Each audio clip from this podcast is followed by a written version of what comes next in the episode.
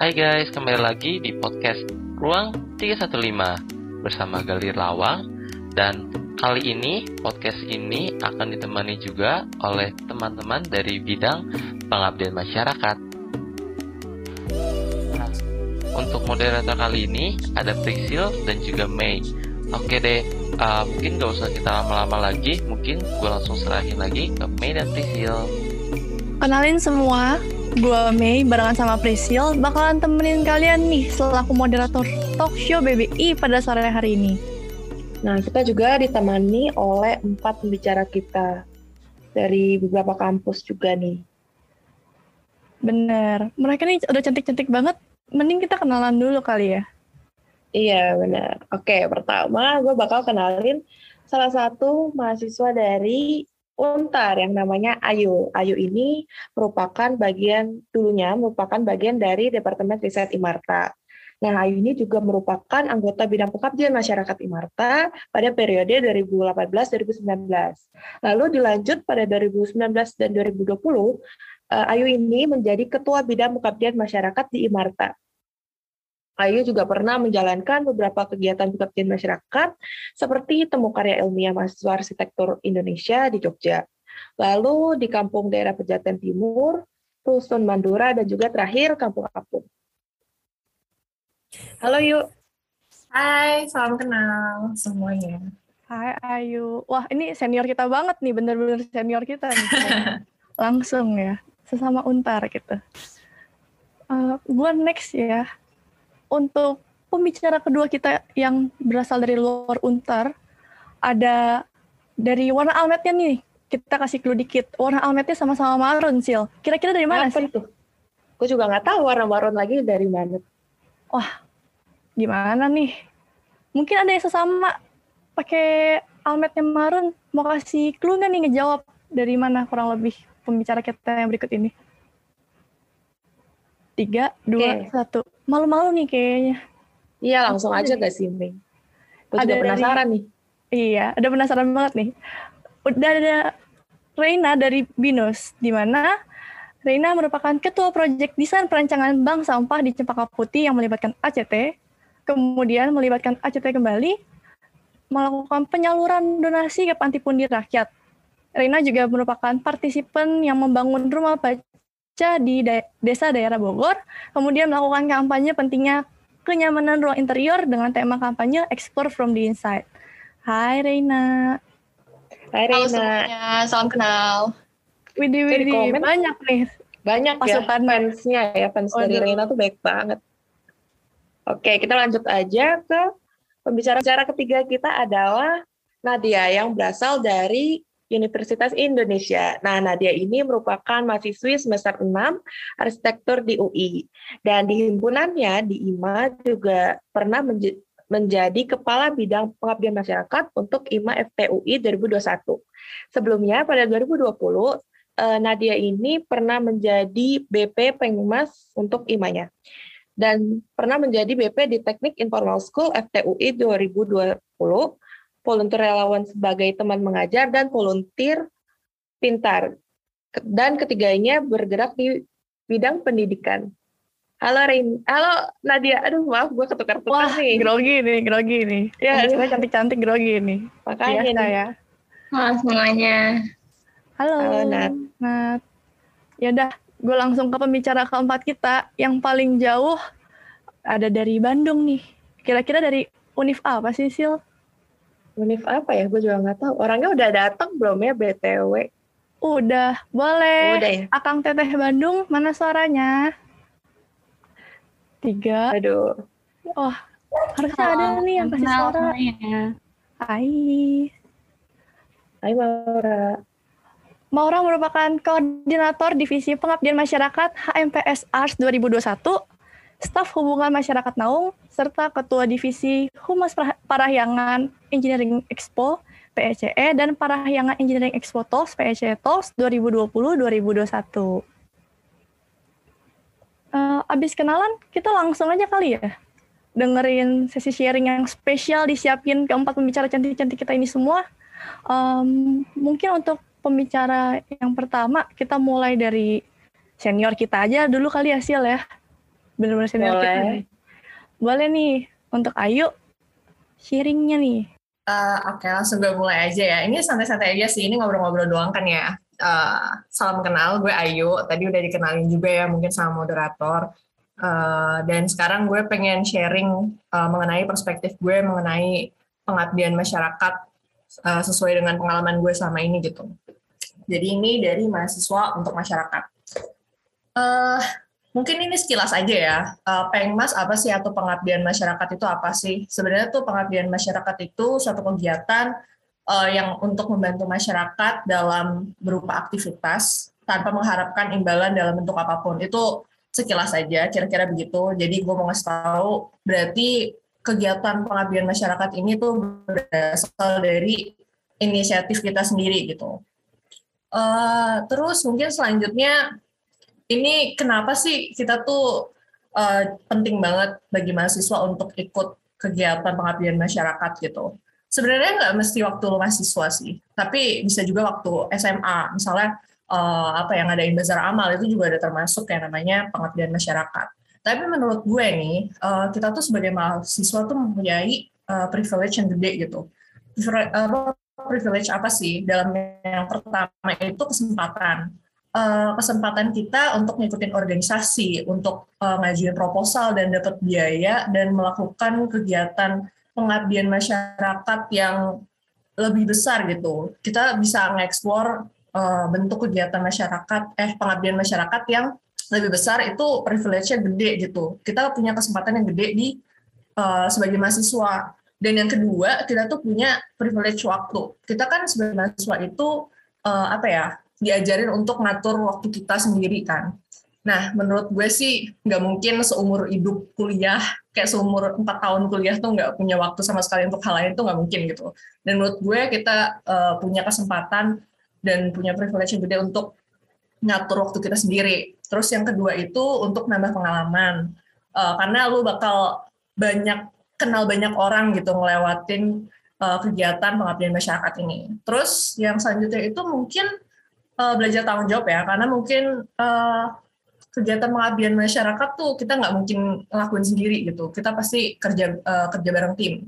Dan yang terakhir ini, eh, ini mungkin eh, pengabdian masyarakat secara umum ya yang dibahas di sini. Cuma mau nambahin satu lagi, mungkin kalau untuk yang eh, kalau gue kan kemarin yang arsitektur ya kebanyakan ya. Jadi ini di sini bisa diskusi dengan beberapa arsitek yang udah berpengalaman. Jadi bisa nge-explore lebih gitu. Misalnya untuk metode apa sih untuk em, berdekatan dengan masyarakat untuk eh, lebih mengenal masyarakat tuh pakai metode apa? Misalnya partisipatory gitu. Terus partisipatory yang dimaksudnya yang seperti apa gitu. Eh, oh sorry, mungkin kalau dari gue sendiri sih, oh iya, eh, lu moderator kalau misalnya nanti waktunya udah eh, mepet kasih tau aja. Terus eh, kalau dari pengalaman gue sendiri, ini tuh gue tuh dimulainya dari membangun suatu eh, perpustakaan portable untuk rusun di Marunda. Nanti akan gue ceritain lebih lanjut. Em, mungkin eh, beberapa orang yang baru banget mulai, baru banget tahu soal kegiatan pengabdian masyarakat. Sebenarnya tuh pasti bertanya-tanya sebenarnya tuh kita bisa apa sih? Nah, eh, ada dua bentuk ya. Kalau yang dari gue, mungkin nanti dari pembicara lain bakal ekspor lebih jauh gitu. Tapi yang dari gue mungkin pemberian secara non fisik itu dalam artian kita bisa ngasih ilmu, kita bisa ngasih penyuluhan, walaupun itu entah dalam topik utama kita melakukan kegiatan eh, untuk pengabdian masyarakat maupun kita selipin di kegiatan eh, misalnya kita ngasih sembako terus habis itu kita kasih ilmu belajar bareng anak-anak gitu karena kan pengabdian masyarakat di sini masyarakat yang dimaksud itu nggak cuma eh, orang dewasa saja tapi juga termasuk anak-anak. Dan kelasnya juga range-nya gede. Nggak cuma kelas bawah menengah ke bawah tapi juga menengah ke atas. Jadi masyarakat ini semua orang ya. Dan di sini pemberian fisik. Ini salah satunya mungkin kayak kita ngasih suatu eh, suatu instalasi atau mungkin kita kayak eh, memperbaiki sesuatu gitu.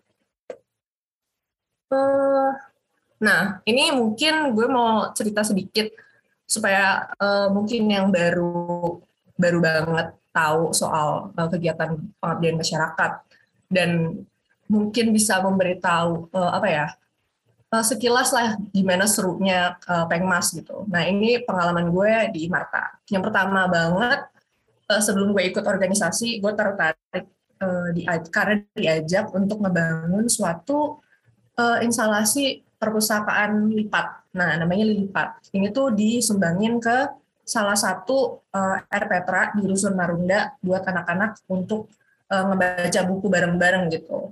Jadi uh, ini gue nggak ikut risetnya, di sini cuma ikut ngebangun doang. Tapi begitu penyerahan terus ngelihat anak-anak uh, senang baca buku, antusiasmenya tinggi itu rasanya tuh wah gila. Ternyata apa yang gue lakuin tuh bermanfaat buat orang lain gitu.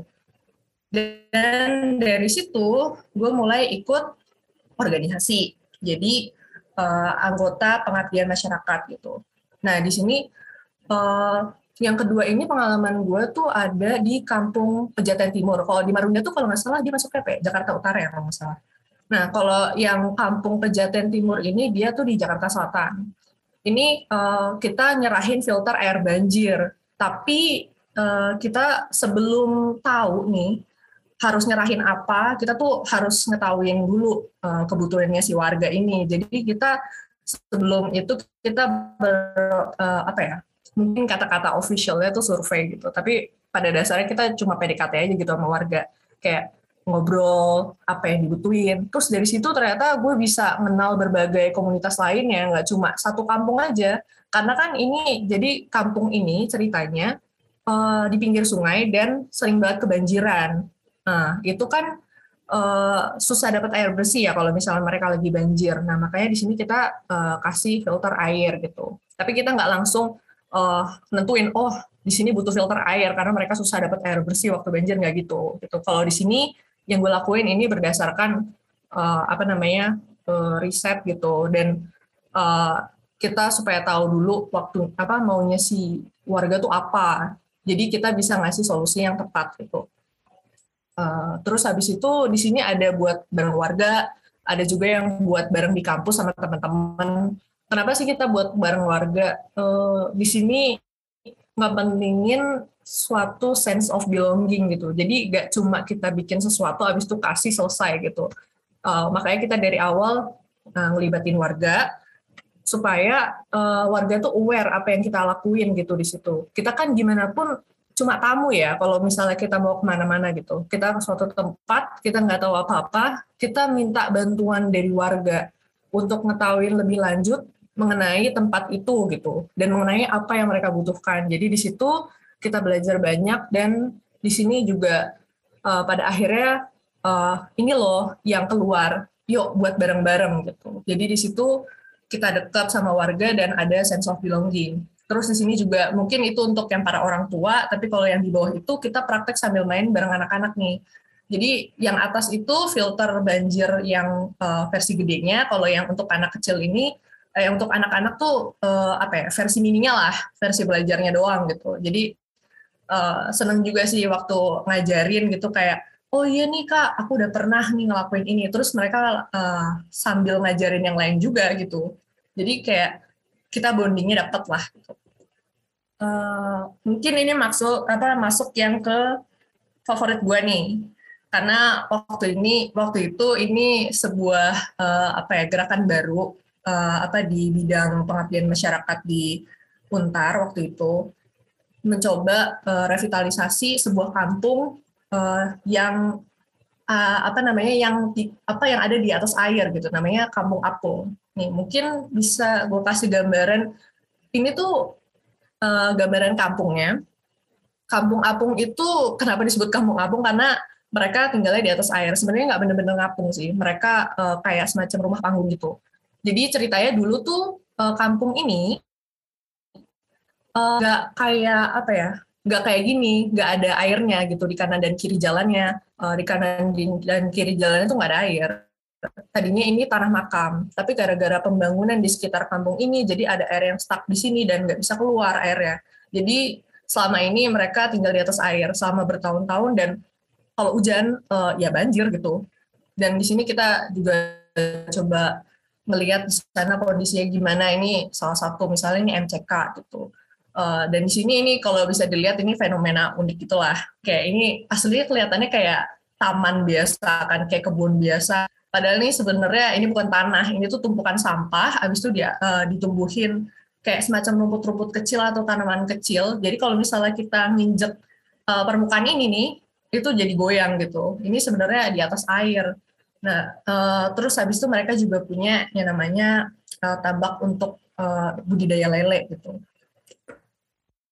Nah dari revitalisasi ini kita uh, pertamanya sebelum melibatkan lebih banyak orang, uh, kita uh, intinya yang dari organisasi bidang resmi yang dikasih itu kita melakukan survei sendiri. Mungkin uh, sekitar setengah tahun dulu, apa setengah tahun ngelakuin survei uh, timnya kita doang, terus baru kita merekrut lebih banyak orang untuk uh, ikut dalam mendesain gitu. Terus uh, diterusin pok uh, pokoknya totalnya ini mungkin sekitar setahun apa setahunan ya ini program kerjanya gitu. Nah, ini tuh uh, kita apa ya, yang ngobrol-ngobrol bareng keluarga gitu, nggak cuma sekali dua kali tapi berkali-kali gitu. Dan di sini kita akhirnya uh, setelah hasil dari apa yang kita bincangkan dengan warga dari awal sampai akhir, kita mau uh, berkomunikasi dengan warga, akhirnya kita memutuskan untuk mendesain uh, apa namanya toilet umumnya diperbaiki dan di sini juga dikasih railing nih uh, kasih railing bambu, kita juga meninggikan sumur. Dan dalam prosesnya ternyata juga uh, kita nggak perlu nggak perlu bilang ke warga kalau misalnya oh ayo kita kerja bakti nggak warga udah otomatis uh, kerja bakti gitu. Jadi mereka shift siapa yang pagi, siapa yang malam gitu. Jadi komunitasnya emang udah deket gitulah. Dan di sini uh, apa puji Tuhan mereka juga menerima kita dengan sangat terbuka dan mereka bahkan membimbing kita dari akhir gitu. Nah, selain output desain tadi dan yang uh, udah dibangun tadi, kita juga ngeluarin satu buku namanya Kompendium Kampung Apung. Ini bisa langsung dicek nih di ISO ataupun di Yumpu. Ini gratis, bisa langsung dilihat. Uh, selain uh, temu karya ilmiah mahasiswa arsitektur Indonesia ini ngerekrut uh, apa ngundang seluruh mahasiswa arsitektur dari berbagai universitas dari berbagai pulau, misalnya dari Jawa, dari Kalimantan, Sulawesi, uh, Sumatera gitu dan lain sebagainya itu untuk satu lokasi dan di mana kita harus membangun lokasi tersebut gitu. Jadi ini lokasinya tahun itu ada di Jogja uh, dan di Jogja itu waktu itu kita uh, disebar lagi ke kamu-kamu kecil gitu. Oke, terus ini yang pertama mungkin dikasih lihat ya uh, apa namanya dikasih materi gitulah uh, kayak sebelum kita memulai sebelum kita membangun tuh apa sih yang penting dari kawasan ini gitu. Uh, itu agak gercep ya sebenarnya kalau ini. Ini karena uh, rentan waktunya cuma se seminggu atau 10 hari. Gitu. apa yang mau uh, dibangun gitu Nah, ini kita baru pertama kali ketemu, baru pertama kali ngumpul, uh, baru kenalan dan ini dan bareng ini ada yang motong bambu nih bisa dilihat. Nah, ini tuh kita bagi-bagi ada yang bagian master plan, ada yang bagian uh, apa namanya uh, buat instalasi. Jadi ini disebar ke beberapa kampung gitu. Uh, nah, ini kebetulan gue ambilnya yang master plan karena gue pengen tahu lebih lanjut soal kampung itu dan gue pengen tahu potensi dari kampung itu gitu. Nah ini kita uh, diskusi lah gitu bareng uh, anggota yang udah dipilih dan ini juga gue berkesempatan untuk ngajar di suatu SD gitu. Eh SD atau SMP ini lupa. Kayak SD. Terus Nah, uh, ini mungkin gambaran lah ya. Uh, ini yang pertama itu bisa di sini melalui ini tuh gue bisa kenal anak-anak kampus lain gak cuma dari Pulau Jawa aja tapi dari berbagai macam pulau gitu.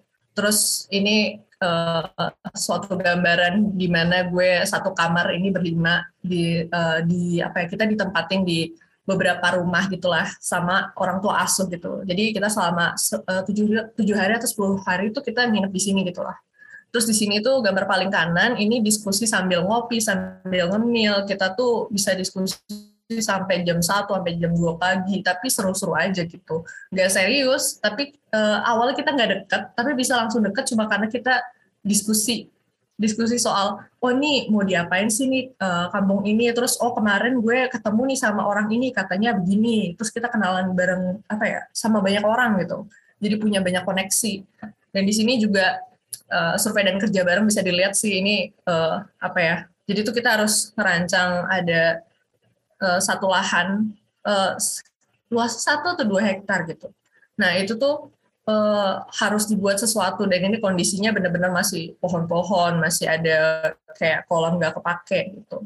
Tapi uh, setelah semua kerja keras dan uh, apa namanya capek tapi seru, kita akhirnya mutusin untuk jalan-jalan. Karena di sini apa ya kegiatan pengabdian masyarakat juga pasti kan uh, akan menghasilkan suatu koneksi gitu ya.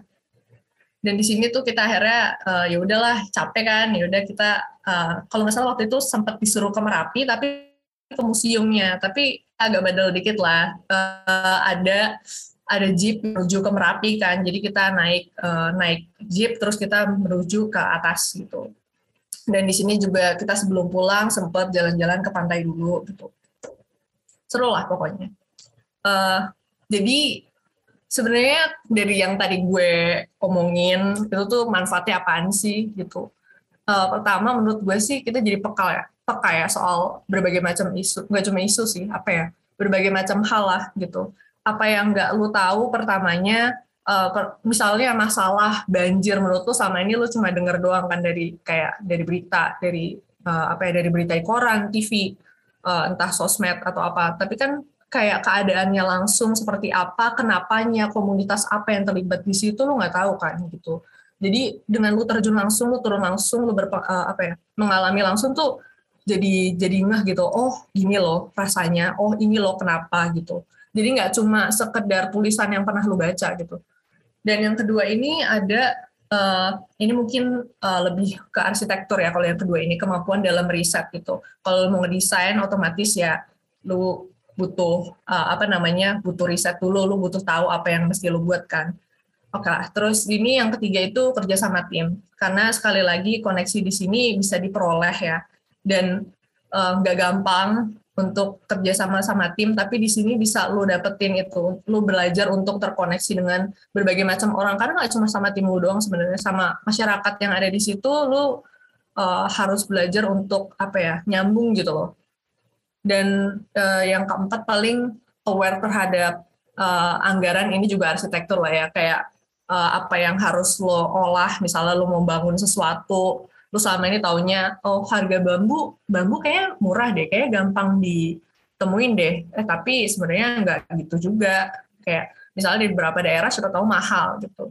Terus social skill social skill karena di sini lo butuh mendekatkan diri dengan banyak orang kayak yang udah gue bilang di awal tadi ini ini apa ini inisiatifnya itu dari kita. Aturan uh, untuk menjadi terbuka untuk menjadi menjalin hubungan sama seorang tuh harusnya enggak uh, sesusah itu kalau misalnya dari awal kita emang udah inisiatif udah mau gitu. Itu sih paling dari gue. Uh, thank you udah dengerin sampai akhir dan mungkin nanti pembicara ketiga pembicara lainnya bakal ngasih insight yang lebih luas lagi. Thank you gue balikin ke moderator. Thank you banget Ayu. Wah, seru banget nih ya kalau kita ngeliat. Jadi serasa kayak live in gitu tapi sambil pengabdian masyarakat. Terus gue kalau nggak salah juga tadi ada ngomongnya ngajar di SD juga atau SMP gitu ya. Iya, bener. Mantap banget. Sampai berarti sosial skillnya bener-bener keasah ya. Mm-hmm. Kalau kayak gini. Hmm, kalau gitu gue lanjut dulu ya. Yuk. Oke. Okay. Lanjut ke ini pembicara kedua kita Reina kayaknya udah greget banget nih nggak sabar pengen sharing-sharing juga ke kita aduh senyumnya manis banget ya ketawanya ya udah deh langsung aja boleh Reina buat sharing Oke, sebelumnya gue mau nyapa dulu. Halo semuanya. Kenalin gue Reina dari Pengmas Himars Binus nih. Jadi uh, kita langsung aja ya. Jadi uh, Himars Binus itu sendiri, sebelumnya gue kenalin tentang Himars Binus dulu dikit ya. Uh, itu merupakan singkatan dari Himpunan Mahasiswa Arsitektur Bina Nusantara yang berdiri sejak tahun 1998. Dulunya nama himpunan ini tuh HIMTA atau Himpunan Teknik Arsitektur Binus. Namun berubah nama menjadi Himars di tahun 2009. Nah, next ini bagian organisasi di Himars, di mana ketua himpunan kita itu punya lima pendamping, dan kalau di Himars itu kita sebut dengan DPI. Nah, yang masing-masing itu menaungi uh, divisi-divisi untuk, eh ya, yang menaungi divisi-divisi. Untuk Pema sendiri, uh, di Himars itu berada di bawah wakil satu, yaitu Kak Rane. Tujuannya kenapa nih kita bikin ada lima DPI? Karena supaya koordinasinya itu nanti uh, lebih terarah dan nggak direct langsung ke ketua kita. Soalnya kan kalau misalkan ketuanya ini nanti kalau langsung direct ke ketua nanti takutnya pusing karena divisinya banyak ini. Nah, karena hari ini kita khusus membahas tentang Pengmas, sebelumnya gue pengen ngasih info bahwa di Himars Binus itu sebutan Pengmasnya diganti uh, jadi Comserve atau kepanjangannya Community Service. Mungkin beberapa dari kalian udah ada yang tahu soal Comserve Himars karena kita udah pernah ketemu pas studi banding sama Himars. Tapi buat yang mungkin belum tahu dan sekalian biar kenal sama Pengmas atau Comserve Himars ini ada baiknya kita bahas juga dari dasar. Kayak apa sih definisi Comserve menurut gue? Selama gue gabung dan menjadi bagian dari Comserve, uh, bisa gue simpulkan Comserve itu semacam gerakan horizontal dari mahasiswa ke masyarakat selain mahasiswa. Nah, bentuk pengabdian itu sendiri uh, nggak terbatas selama tujuannya untuk membantu masyarakat.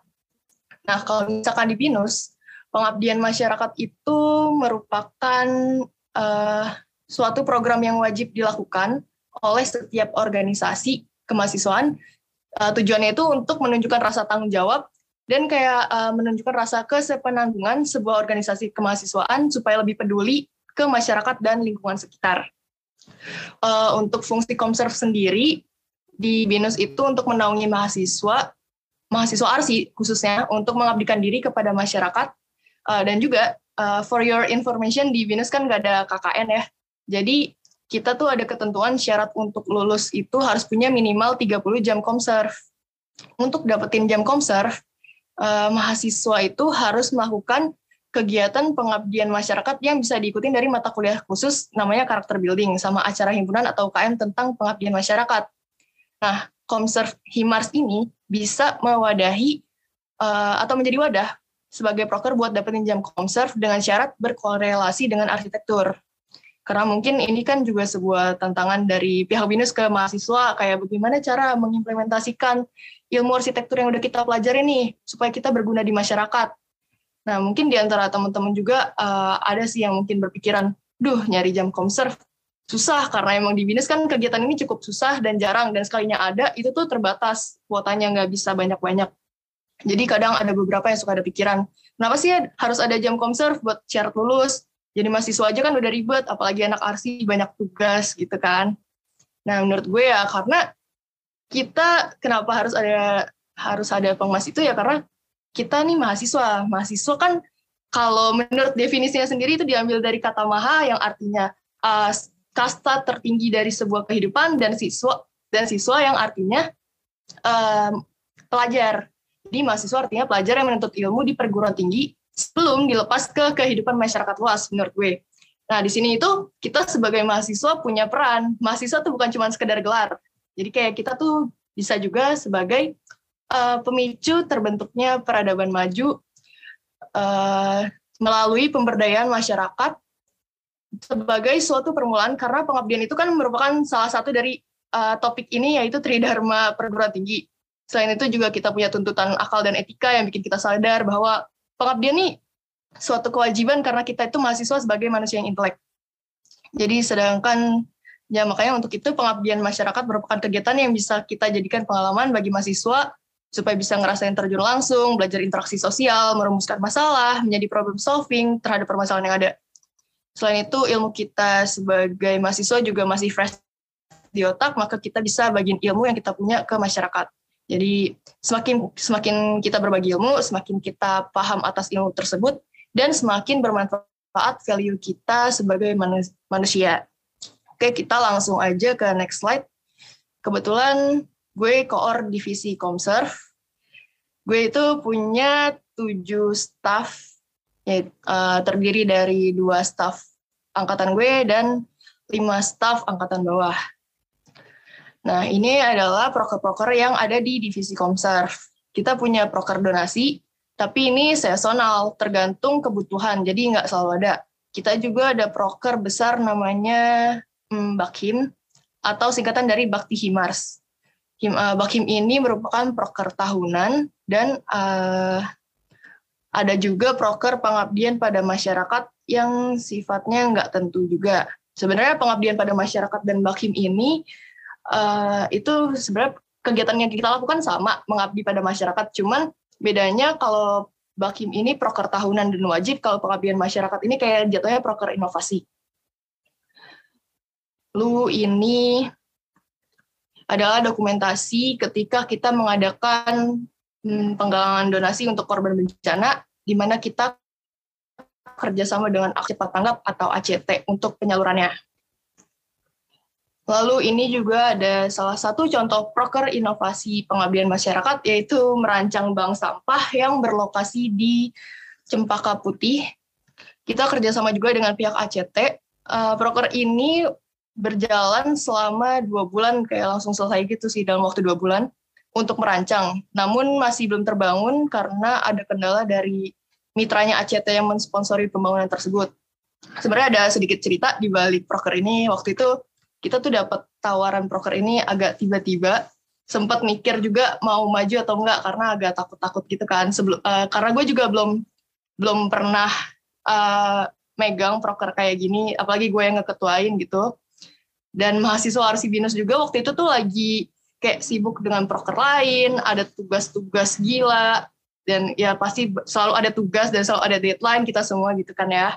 Terus ada juga yang lagi ikut sayembara gitu gitu gitu tapi pada akhirnya kita kayak berunding dan melalui kesepakatan bersama kita mencoba buat uh, ngambil proker ini dan langsung menghubungi jurusan supaya kita bisa minta uh, ini sih dosen pendamping buat membimbing.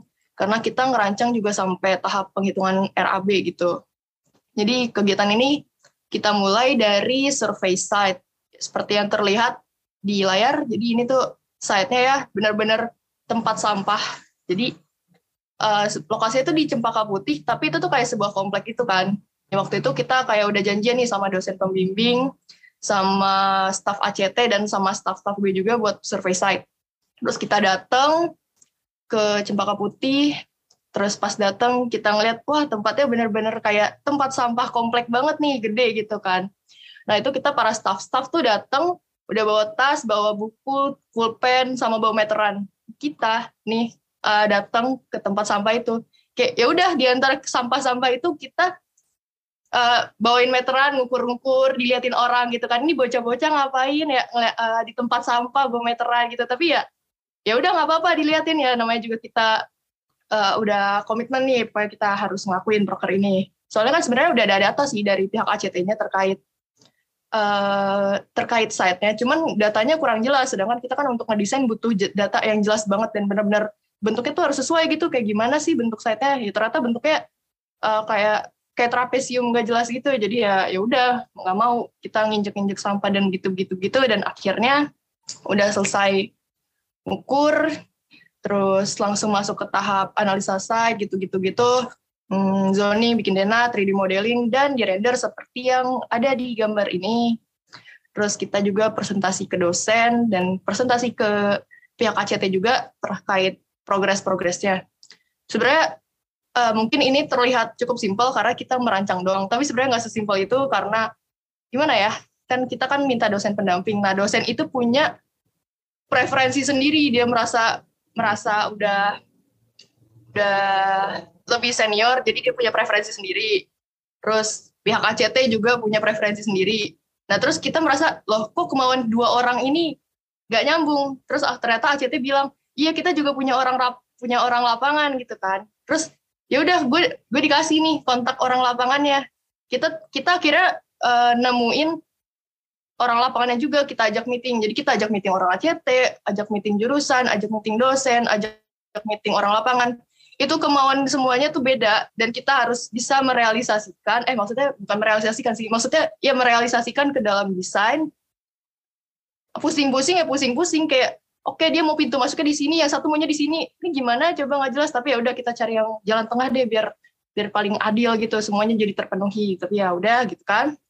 Akhirnya di antara semua kekeosan itu dan udah selesai perancangannya, kira kita melakukan serah terima desain dengan pihak ACT dan juga ke kayak atasan-atasannya gitu. Kita dapat penghargaan kemanusiaan dari mereka karena kita udah ngerancang bank sampah. Terus waktu itu kita juga apa ya? Uh, pokoknya udah meeting meeting meeting gitu deh, meeting sama atasan juga, sama staffnya juga, sama ya orang-orangnya gitu. Terus udah dapat penghargaan ini. Oke, okay, next ini ada proker Bakim, proker tahunan. Ini ada Bakim 2018 dan Bakim 2019 kalau yang 2018 gue belum masuk BINUS ya, masih SMA. Jadi gue ikutnya yang Bakim 2019. Waktu itu gue mas uh, gue masih jadi partisipan bahkan belum jadi staff Himars. Terus uh, waktu itu tuh lokasinya ada di Bogor. Waktu itu kita ngerancang rumah baca. Dan karena ini kegiatan offline, menurut gue ini kegiatan cukup berkenang. Kalau nggak salah waktu itu kita tuh ada 90-an orang, kita rame-rame naik truk TNI yang gede banget itu, dan kita sempit-sempitan di situ. Kadang juga kayak namanya bocah-bocah suka ngedada-dadahin mobil-mobil juga dari belakang, terus udah nih kalau misalkan udah udah sampai ke site-nya di Bogor itu kan, kita langsung bangun tenda, terus langsung kerja yang dibagi ke tiga divisi itu tuh divisinya waktu itu ada divisi masak, divisi ngajar, sama divisi konstruksi. Biasanya yang, cowok-cowok mayoritas pada ikut ke konstruksi, yang cewek-cewek pada masak sama ngajar gitu kan. Ngajar tuh kayak ngajar ngajar ngajarin ini sih ilmu-ilmu yang biasa aja, yang mungkin kayak MTK atau baca atau nyanyi atau apa gitu ke ada soalnya itu banyak bocil-bocil gitu di di sekitaran desa ini gitu. Terus ya kan kita tiga hari di sana bangun rumah baca super kilat. Terus uh, yang cowok-cowok ada yang bergadang juga. Soalnya buat ngejar itu kita waktu itu bangunannya harus selesai dalam waktu tiga hari. Jadi tapi sebelumnya panitia-panitianya juga ada yang udah datang lebih dulu sih buat bikin fondasinya gitu. Jadi kita yang peserta-pesertanya cuma tinggal sisanya aja tapi dalam tiga hari harus selesai. Terus uh, ya alhamdulillah berhasil selesai tepat waktu. Dan kenapa gue bilang ini proker yang lumayan berkenang sebagai uh, sebagai apalagi gue waktu itu masih partisipan meskipun gue bukan panitia berkenang. Kenapa? Karena selain ngerancang dan selain uh, kita bonding kayak tidur bareng-bareng di tenda gede terus uh, apa ya ya berkomunikasi sama masyarakat masyarakat sekitar. Waktu itu tuh juga ada acara apa ya malam-malam tuh kayak ada acara nyalain api unggun gitu. Terus kita kayak sharing-sharing tentang dosen sih pastinya. Dosen itu kan topik bersama nih. Ditanya dosen siapa nih yang paling gak disuka? Dosen siapa yang paling rese? Gini gini gini atau dosen siapa yang paling baik? Terus jadi eh, ngobrol-ngobrol tentang itu sampai malam sampai larut sama obrolan. Ada juga acara ada juga pernyataan cinta di situ. Kalau boleh jujur mah ada. Terus uh, apa ya yang cukup berkenang juga ada ini ada apa ya kan itu kan gue cuman di tenda. Terus kayak udah nggak tahan nih pengen mandi kan. Cuman mandi tuh mandi kalau ke rumah warga uh, secara cuma-cuma jadi yang diizinin cuma beberapa doang gitu kan. Ya udah akhirnya gue sama teman-teman waktu itu nyari sumur dan kita mandi di sumur cuma ditutupin sama jas hujan gitu gitu gitu. Cukup berkenang. Oke okay, next ini Bakhim 2021 jadi karena ya seperti yang kita tahu keadaan kan lagi pandemi nggak ya jadi dari pihak binus juga nggak ngebolehin kita untuk uh, ngelakuin kayak Bakhim yang 2019 itu makanya kita melakukan Bakim online dengan menyelenggarakan kampanye yang tentang pentingnya kenyamanan sebuah ruang pada tingkat produktivitas. Tema Bakim ini Explore from the Inside.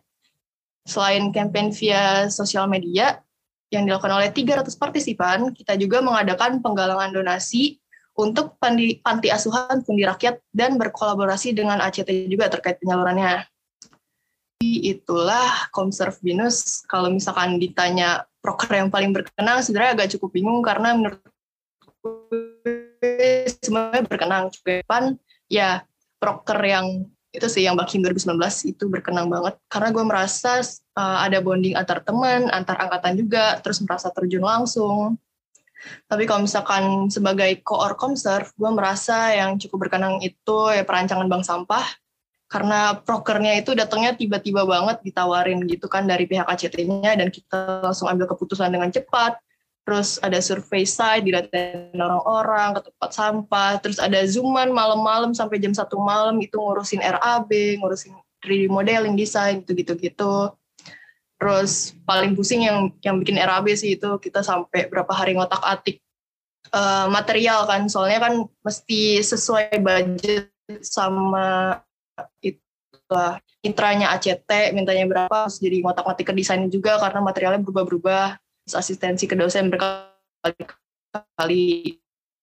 Bagian dari kom itu ngasih banyak pengalaman baru tentu saja, terutama bagian terjun langsung, melatih soft skill, speaking, komunikasi sebagai pihak, kayak sama orang lapangan tadi, sama CT, staf ACT, atasan, pihak jurusan, dosen-dosen, terus bisa bonding antar mahasiswa, karena kita tuh punya keinginan yang sama, yaitu mau menyukseskan proker, ini juga sih menurut gue karena apa ini apa ya tambahan menurut gue manfaatnya ya bisa meningkatkan value diri karena merasa kita tuh melakukan kegiatan yang mulia gitu kan mengabdi pada masyarakat dan merasa menjadi manusia yang cukup berguna karena mengimplementasikan ilmu kita yang ilmu kita yang udah kita pelajarin gitu kan. Nah sekian penjelasan gue mengenai Pengmas atau Komserv Himas. Himars. Semoga dari penjelasan gue tadi beberapa ada yang bisa jadi insight untuk Pengmas lain. Oke, sekian saya kembalikan ke moderator. Izin stop share ya.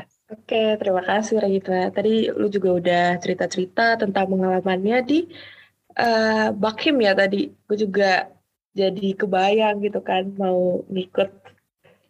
Tapi ya gimana, aku udah di sini ya. Oke, sekarang kita lanjut aja langsung ke Maura untuk membawakan atau menceritakan materinya dari sudut pandangnya. Bersilahkan Maura. Oke, okay, thank you moderator dan halo, uh, selamat sore semuanya. Salam sejahtera buat teman-teman semua.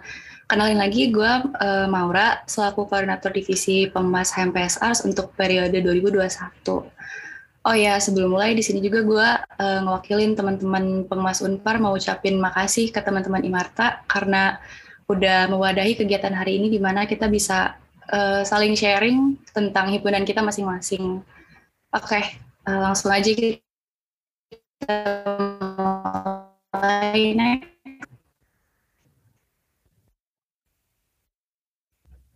Oke, okay. uh, eh, pengabdian masyarakat versi HMPS Ars itu apa sih? Ya mungkin kurang lebih sama kayak teman-teman Himar sama Imarta sebelumnya. Keywordnya itu sama ya, pengabdian sama masyarakat. Jadi uh, basically divisi ini adalah wadah untuk mengembangkan diri melalui penerapan ilmu di bidang arsitektur dari mulai perencanaan, perancangan, pengkajian objek sampai akhirnya kita uh, menghasilkan karya arsitektur sebagai respon kepakaan kita terhadap lingkungan sekitar kita. Dan karena kita ini berada di sebuah naungan organisasi, uh, tentunya kita ini dibangun atas kerjasama yang korelatif. Next. Lalu ini mungkin ada mini organogramnya ya, mungkin kira-kira untuk gambaran himpunan kita ini sistemnya kurang lebih uh, sama kayak himpunan pada umumnya, uh, desentralisasi, ada segmen divisi sendiri, ada PJ materi, lalu ada ketua proker-ketua prokernya. Next. Oke, mengenai motivasi, uh, motivasi dan alasan kita kenapa harus mengabdi ini mungkin kalau dari HMPSR bisa dirangkum jadi tiga poin ya. Yang pertama itu sama kayak pengantar talk show hari ini ada Tridharma yang jadi landasan kenapa kita bisa mengabdi. Lalu kedua ada Undang-Undang Arsitek nomor 6 tahun 2017 yang uh, bisa jadi landasan kita buat nge-encourage bahwa uh, dari landasan Tridharma tadi kita sebagai mahasiswa walaupun kita masih belajar kita juga bisa latihan dari dini untuk melaksanakan si uh, praktik arsitek ini. Jadi dengan adanya privilege kita sebagai mahasiswa yang udah punya himpunan, yang udah nyediain wadah untuk uh, dimanfaatin sebagai pengembangan diri uh, dari mulai mengabdi, kita ini bisa coba uh, mengung, mengang, mengungkit isu-isu lingkungan di sekitar kita sebagai uh, latar belakang dari proker-proker kita. Lalu ketiga, dari proker-proker tadi, uh, kreativitas yang kita tuangkan itu bisa jadi salah satu wujud kepekaan kita terhadap lingkungan kita untuk mengedukasi masyarakat juga. Jadi both uh, mahasiswa dan masyarakat itu masing-masing punya feedback yang positif. Next. Oke, untuk implementasi pengabdian kita sebagai mahasiswa itu uh, banyak ya, tapi pastinya karena kita ini di himpunan melalui program kerja. Next. Oke, okay, untuk uh, HMPSAS 2021, kita ini ada dua program kerja. Yang pertama ini Naung bisa dilihat di gambar di sini. Naung ini uh, sebenarnya bentuk rangkaian acara daring mulai uh, webinar di bulan September 22 sampai akhirnya tutup sayembara di bulan Mei 2021. Sebenarnya main idea dari proker ini adalah uh, proker ini tuh hadir sebagai respon dan adaptasi terhadap kondisi pandemi COVID-19 sekarang. Jadi karena waktu itu kita masih di masa-masa labil peralihan dari offline ke online. Jadi ya udah kita putusin bahwa pengabdian kepada masyarakat ini kita mau fokusin di tujuan mengedukasi masyarakat melalui media uh, platform daring gitu. Terus uh, edukasi yang ada di Naung ini itu sebenarnya bertujuan untuk membuka wawasan seputar lingkungan dan juga rumah tinggal yang sehat. Jadi di konteks pandemi ini diharapkan uh, sasaran yang kita tuju itu dapat mendukung program uh, work from home yang sehat. Mungkin uh, cerita sedikit dari dulu itu dari zaman offline divisi ini mungkin sama ya kayak uh, Imarta dan Himars mungkin fokusnya lebih ke menghasilkan output yang uh, konkret yang yang ada fisiknya. Jadi di tahun ini kita manfaatin gimana caranya kita tetap bisa mengabdi, tapi dengan cara yang baru dan kebetulan Naung ini menjadi solusinya gitu karena ternyata proker ini lebih ngebuka banyak kesempatan untuk menjangkau lebih banyak orang melalui networking dan platform online. Next. Lalu next untuk proker kedua, uh, ini ada proker Bakti Ganva. Uh, menurut gue ini sangat-sangat unik karena proker ini integrasi dari mahasiswa arsitektur Unpar sama teknik sipil. Untuk tujuannya dia itu lebih fokus ke pengaplikasian ilmu yang kita udah pelajari di masing-masing uh, fakultas dan targetnya lebih ke masyarakat desa di sekitar Bandung. Buat Bakti Ganva tahun ini, setelah dilihat dari parameter desanya, kita mengabdi ke uh, masyarakat di desa Cimeta.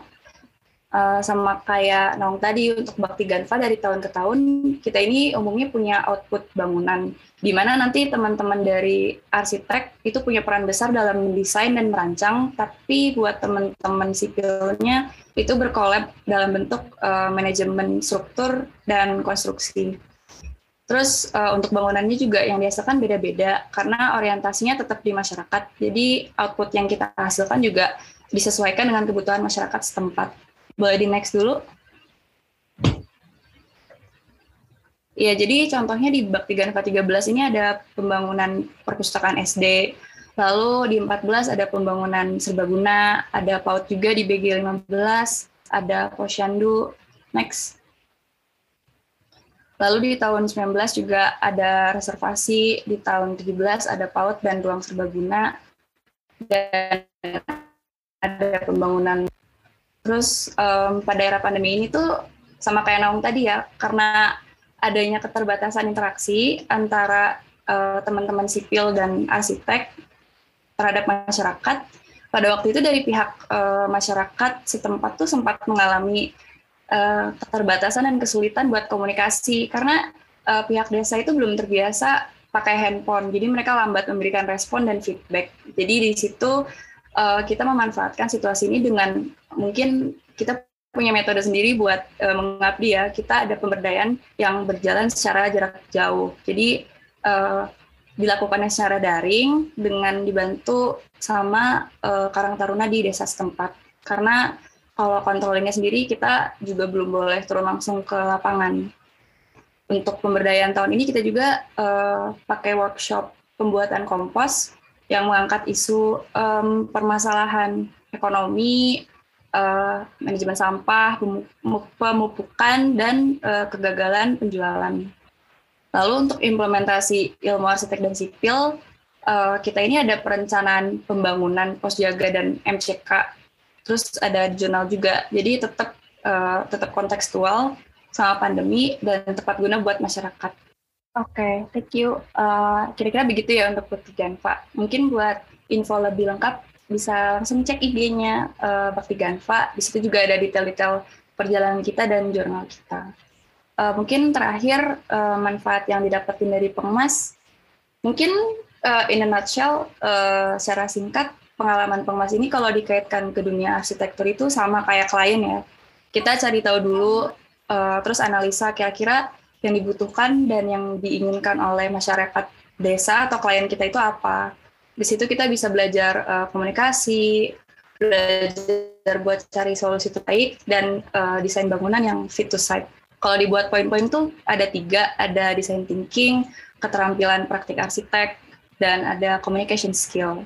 Mungkin uh, next. Mungkin sekian dari HMPS Unpar. Semoga uh, materi yang dibawain insightful dan saling ngasih inspirasi buat kita semua ke depannya untuk membangun himpunan kita masing-masing lagi. Kembali ke moderator. Thank you banget Maura. Tadi yang gue paling nangkep dari video pas kayak semacam semboyan kali di akhir-akhir ya yang tunjukkan bakti memulai aksi itu kayak keren banget ya langsung ngena gitu ya. Hmm, kita udah ada tiga pembicara nih dan pengalamannya pada bisa dibilang kece-kece semua. Langsung aja kali ya kita biar lebih afdol lagi kita dengerin sharing dari Nadia sebagai narasumber terakhir kita pada hari ini. Boleh Nadia sharing dong. Ya sebelumnya uh, gue juga mau bilang makasih dulu untuk uh, Imarta udah nyediain wadah uh, sharing sama kayak gini dan uh, dari gue sendiri juga ngerasa uh, belajar banyak banget dari pembicara-pembicara yang sebelumnya gitu. Uh, terus mungkin sekarang uh, gue mau ngejelasin implementasi pengabdian masyarakat uh, dengan apa yang udah gue laluin uh, sebagai mahasiswa. Uh, mungkin uh, definisinya secara umum uh, sama aja mungkin tadi udah disebutin sama pembicara-pembicara lain gitu ya. ya kayak intinya uh, ini adalah aktivitas yang bertujuan untuk membantu dan uh, kita nggak berharap apa pun dari situ gitu. Uh, tapi uh, dari IMA FTUI sendiri mengartikan itu sebagai kegiatan pengaktualisasian potensi dan kepedulian mahasiswa untuk berkontribusi secara langsung uh, dan memberikan manfaat kepada masyarakat. Jadi sebenarnya intinya sama aja, tapi uh, karena di sini kita itu sebagai mahasiswa gitu. Jadi gimana caranya apa yang kita berikan itu adalah apa yang udah kita dapat selama uh, kita belajar jadi mahasiswa gitu intinya. Uh, terus uh, untuk motivasinya sebenarnya kalau dari pengas uh, IMA FTUI sendiri kita emang ada beberapa um, yang harus di uh, complete gitu kayak uh, tujuan IKM FTUI dan semacamnya tapi uh, motivasi dari diri gue sendiri sebenarnya uh, sesimpel memberikan apa yang uh, udah gue dapet dari berbagai kesempatan kembali ke masyarakat yang memiliki akses berbeda terhadap uh, berbagai kesempatan gitu. Karena uh, ini sesuatu yang gue pikirin ketika gue jadi mahasiswa gitu. Kayak uh, gue seseorang yang tumbuh dengan alhamdulillah dengan akses yang mudah terhadap pendidikan gitu. Sementara uh, gak semua orang uh, di society ini tuh punya kesempatan yang sama untuk mengakses itu. Padahal uh, pendidikan itu kan harusnya uh, hak untuk uh, masyarakat ya untuk men, untuk mendapat akses terhadap edukasi yang bagus dan opportunity opportunity yang lain gitu. Sementara uh, gak semua uh, bisa dapat itu. Nah di sini gue merasa karena gue udah mendapat privilege untuk itu, uh, bukankah seharusnya gue sebagai bagian dari society juga mengembalikan apa yang udah gue dapat dari society itu sendiri gitu sehingga uh, semua sehingga orang-orang yang nggak mendapat akses ke situ bisa uh, punya opportunity yang sama gitu. Sebenarnya motivasi gue uh, prakteknya juga gue yakin apa yang gue berikan mungkin nggak se-impactful itu gitu. Apa yang gue berikan nggak mungkin langsung ngebuat uh, society kita jadi equal atau semacamnya. Tapi setidaknya uh, menurut gue uh, ketika kita semua uh, dengan kemauan kita bisa untuk um, memberikan kembali apa yang udah kita dapat dengan uh, field kita masing-masing, setidaknya itu akan membawa kita satu step closer uh, terhadap society yang equal.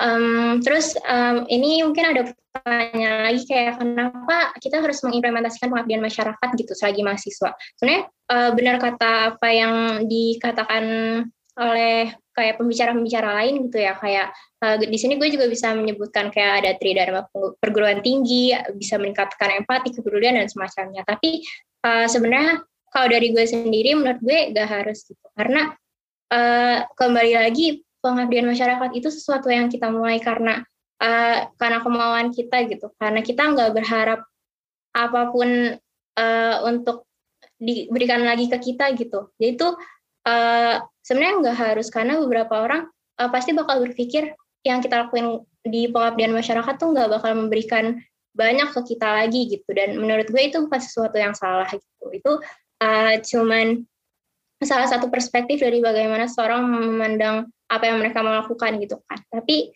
kalau boleh memberikan satu aja alasan kenapa uh, kita sebagai mahasiswa mau mulai mengimplementasikan pengabdian masyarakat itu karena menurut gue uh, kita memulai karena kita mau memberi gitu. Tapi pada akhirnya yang kita dapat itu justru lebih banyak daripada yang kita kasih. Dan apa yang kita ajarkan ke orang itu selalu lebih dikit dibanding apa yang kita dapat dari orang lain gitu. Apa yang kita pelajari dari orang lain.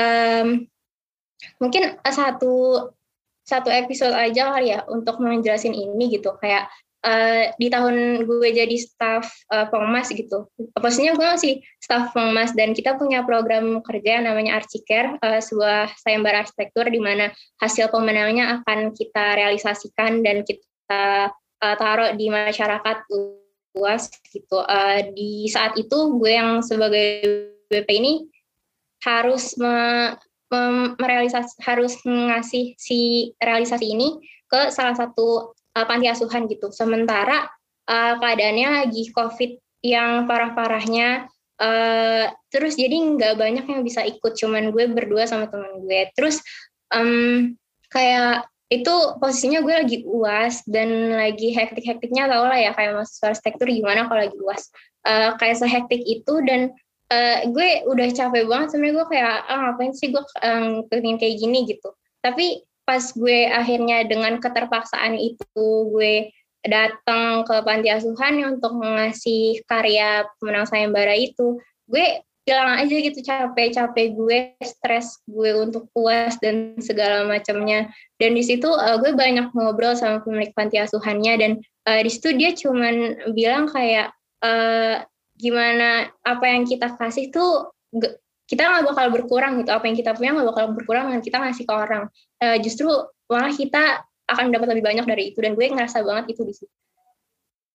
Um, terus ini mungkin uh, nanya terus gimana kita uh, bisa mengimplementasikan pengabdian masyarakat gitu sebenarnya banyak caranya bisa donasi uh, bisa uh, community development, volunteering, terus ada project-project yang berbasis partisipatori kayak yang udah dibilang sebelumnya, atau apa pun itu, uh, yang penting kayak kembali lagi pada apa yang ingin kita berikan dan kapasitas kita dalam memberikan itu. Jadi um, kan kita mungkin sering dengar ya kalau pengabdian masyarakat tuh harus aksi langsung, harus ini, harus itu gitu. Tapi sebenarnya uh, menurut gue kembali lagi pada ya kapasitas lo dalam memberikan tuh sebesar apa dan uh, ya lo memberikan apa gitu. Tapi kalau dari Pengmas Iman FTUI sendiri, uh, setidaknya ada tiga bentuk yang kita kita wadahi gitu lewat program kerja kita. Ada uh, kita punya enam proker dengan satu kegiatan uh, berbentuk yang pertama tuh pencerdasan gitu. Pencerdasan ini dilakukan kepada mahasiswa dengan tujuan untuk meningkatkan kepeduliannya dulu nih uh, sebelum mereka akhirnya bisa uh, mengimplementasikan kepedulian mereka sendiri itu uh, lewat infografis, video uh, kreatif dan webinar gitu yang uh, kita cover tuh ada isu sosial dan isu lingkungan. Uh, terus ada juga penyaluran kepedulian yang mungkin sifatnya ini um, umum ya kayak siapa aja bisa melakukan gitu. Uh, di sini kita ada donasi uh, dan uh, di tahap ketiga tuh ada pengaplikasian um, apa yang udah kita dapat sebagai mahasiswa gitu dengan uh, sayembara arsitektur yang akhirnya akan kita realisasikan uh, dan uh, di sini kita ada workshop kelas dua dimensi yang kita lakuin di tahun kemarin. Uh, terus kalau ditanya apa yang paling berkesan gitu, uh, jawaban gue mungkin ini ya dari Ars untuk masyarakat, uh, yaitu sebuah workshop kelas dua dimensi yang kita lakuin di uh, Panti Asuhan Wisma Karya Bakti gitu. Sebenarnya ide utama dari uh, program kerja ini tuh sederhana aja. kayak kita mikir uh, di IMA itu di Ikatan Mahasiswa Arsitektur di UI, uh, kita banyak ngadain webinar ataupun workshop um, yang bertujuan untuk meningkatkan skill mahasiswa-mahasiswa gitu. Tapi uh, terus kita mikir kenapa kita nggak mulai melakukan itu ke orang luar gitu? Karena uh, pada dasarnya kan mahasiswa udah punya akses yang cukup banyak terhadap uh, pendidikan dan sebagainya macam ya kenapa kita kepikiran untuk itu tapi nggak kepikiran untuk um, ngebuat uh, workshop atau webinar untuk masyarakat luas yang um, memiliki keterbatasan akses gitu akhirnya kita ngebuat ini karena uh, dari yang sebelumnya gue ceritain gue udah ke panti asuhan ini dan uh, di sini di panti asuhan ini uh, dia bilang kalau banyak orang dari berbagai field untuk uh, kayak bantu ngajarin, bantu volunteer. Ininya semua bertujuan sama sih. Mereka hanya memberikan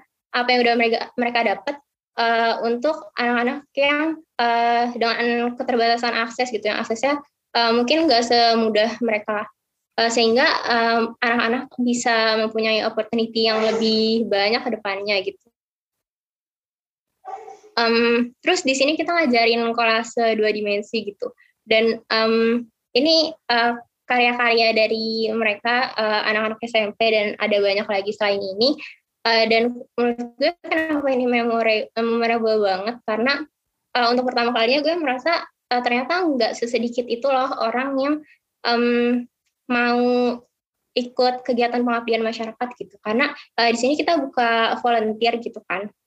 Kita buka volunteer ke um, anak-anak ars selain pengmas dan uh, responnya cukup baik gitu. Padahal kita melakukan ini kayak uh, mepet-mepet hari H karena uh, kita um, concern juga uh, dengan uh, COVID gitu kan. Uh, dan dari waktu yang terbatas itu aja uh, responnya bagus banget dan di situ uh, gue ngeliat aja kalau ternyata banyak loh orang-orang yang mau melakukan pengabdian masyarakat gitu.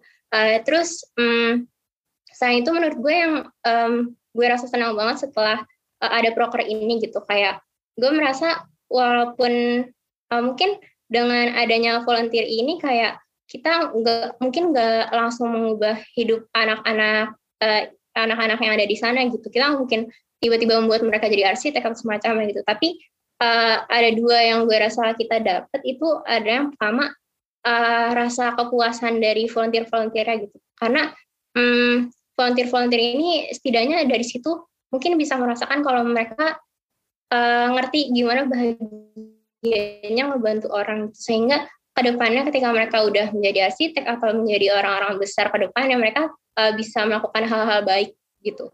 Uh, terus yang kedua gitu, kayak dari hasil-hasil ini mungkin mereka juga nggak bakal langsung jadi kayak seniman atau mereka dalam satu hari itu bisa langsung jago banget gitu. Tapi uh, di waktu yang sama, uh, gue berpikir setidaknya kita memberikan uh, insight kalau dunia ini tuh ada gitu. Dunia uh, dua uh, kolase kolase dan kayak seni dua dimensi itu ada arsitektur tuh ada uh, desain tuh ada gitu. Sehingga uh, mereka yang nanti uh, merasa tertarik dalam proses ini uh, bisa mengeksplor itu sendiri gitu.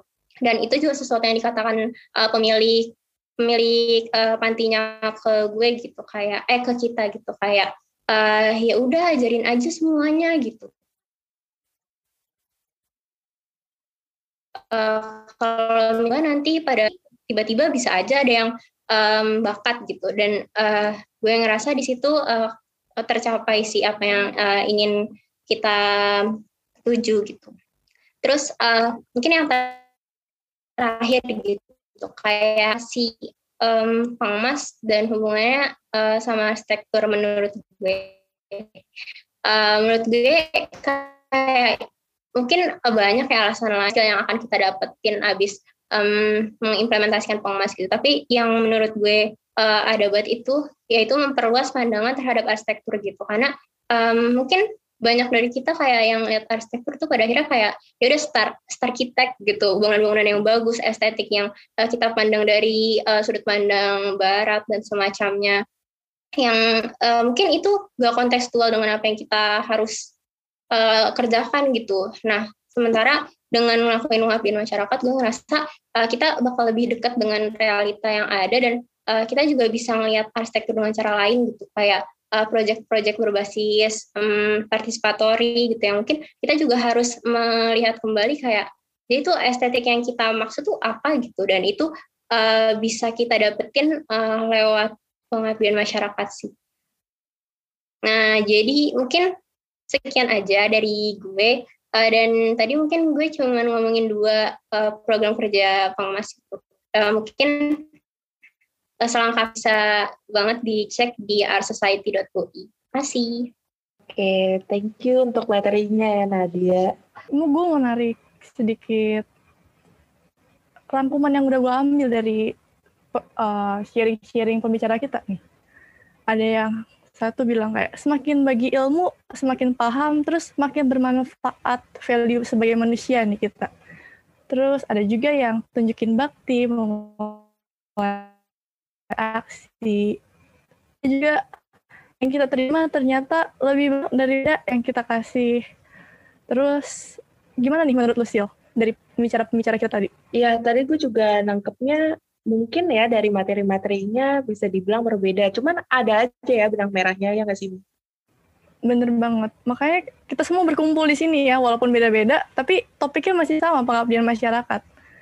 Cara-caranya beda-beda, tapi intinya masih mengabdikan diri ke masyarakat dan cara-cara pembicara-pembicara kita ini kece-kece ya, kalau bisa dibilangnya nggak sih? Iya, iya. Apalagi tadi kalian juga share, uh, di di sharing pengalaman-pengalaman pengalaman-pengalamannya di pengabdian masyarakat. Gue juga tadi yang gue inget tuh yang dari Reina yang tentang wakimnya yang sebelum mungkin itu sebelum COVID ya karena 2019 itu kayaknya seru-seruan banget karena dalam tiga hari udah bisa membangun bangunan gitu ya bisa dibilang bangunan atau nggak proyek gitu ya. Sama gue tertarik banget sama yang kayak tadi uh, Ayu Ayu kan kita juga ada benang merahnya nih sama kita yang pengmas pada saat ini ya Wait. bener banget. Kampung Apung nih. Pas lagi. Kamu Apung itu favoritnya Ayu tadi kalau nggak salah kata Ayu ya? Iya bener. Mantep banget. Senior kita langsung kita langsung tahu oh ini dia angkatan yang pertama program kerja di Kampung Apung yang nanti juga bakalan buat kita juga nih Sil Iya, mungkin kita sneak peek aja ya, Mei. Kita sneak peek kalau seandainya pada tahun, eh seandainya, kalau misalnya pada tahun ini, pengabdian masyarakat Imarta juga ada di Kampung Apung. Jadi Kampung oh. Apung masih ada sampai sekarang. Ngomong-ngomong Kampung Apung nih, kita mungkin, gue nanya dulu dulu nih Sil, kalau misalkan dulu sebelum jadi peserta atau panitia pengabdian masyarakat, lu bingung gak sih? Kayak ngapain sih ada pengabdian masyarakat? Jujur nih kalau gue sendiri gue bingung kayak ngapain ada pengabdian masyarakat? Terus tiba-tiba gue ikut program kerjanya ya yang tahun lalu. Eh kenal lu deh. Padahal kita sekelas loh. Kalau nggak ada pengabdian masyarakat gue nggak kenal lu sampai sekarang. Oh jadi maksudnya lu berterima kasih kepada Pengmas nih? Oh iya dong pastinya. Karena seperti keempat pembicara ngomong tadi tuh, social skillnya kan kelatih ya. Dan ada yang juga sampai, jangankan dari anak kecil, kayak um, ada yang ngajarin sampai anak kecil, dari anak kecil sampai gede, sampai kayak nanti kan kerja sama klien juga nih. Tapi sebelum sampai kayak klien, mungkin gue berterima kasihnya udah sampai kenal ke lu dulu nih, seenggaknya tambah teman di kampus ya, dalam kondisi lagi pandemi begini kan agak susah nih cari temen, iya gak sih? Iya benar-benar mungkin FYI juga mungkin garing tak ada yang belum tahu kalau seandainya itu bagian dari anggota pengabdian masyarakat di Imarta tahun 2021 2021 2022. Oke. Um, mungkin ada juga nih yang kayak emang pengabdian masyarakat selain fungsinya kayak yang udah disebutin tadi, apalagi ya? Mungkin gue mau point out lagi kalau misalkan hmm, sense of belongingnya ya. Kalau misal sekarang kayak awalnya bingung ngapain masuk pengmas, tapi sekarang mulai ngerasa kayak oke, okay, gue part dari pengabdian masyarakat juga, iya nggak? Iya iya benar. Sebenarnya aku juga punya pertanyaan sih untuk keempat bicara kita untuk sekarang. Uh, kan tadi kita udah ngomongin tentang pengabdian masyarakat secara garis besar gitu ya. Gue pengen nanya ke kalian, sebenarnya kalian berubah nggak sih persepsi kalian terhadap pengabdian masyarakat sesudah atau sebelum kalian masuk? Uh, gue lempar pertanyaan dulu kali ya, atau ada yang mau jawab duluan nih? Ini Reina udah senyum-senyum nih, udah mau jawab apa gimana nih? Greget ya tadi pembicara kita ini. Gak kok, cuma senyum aja dulu.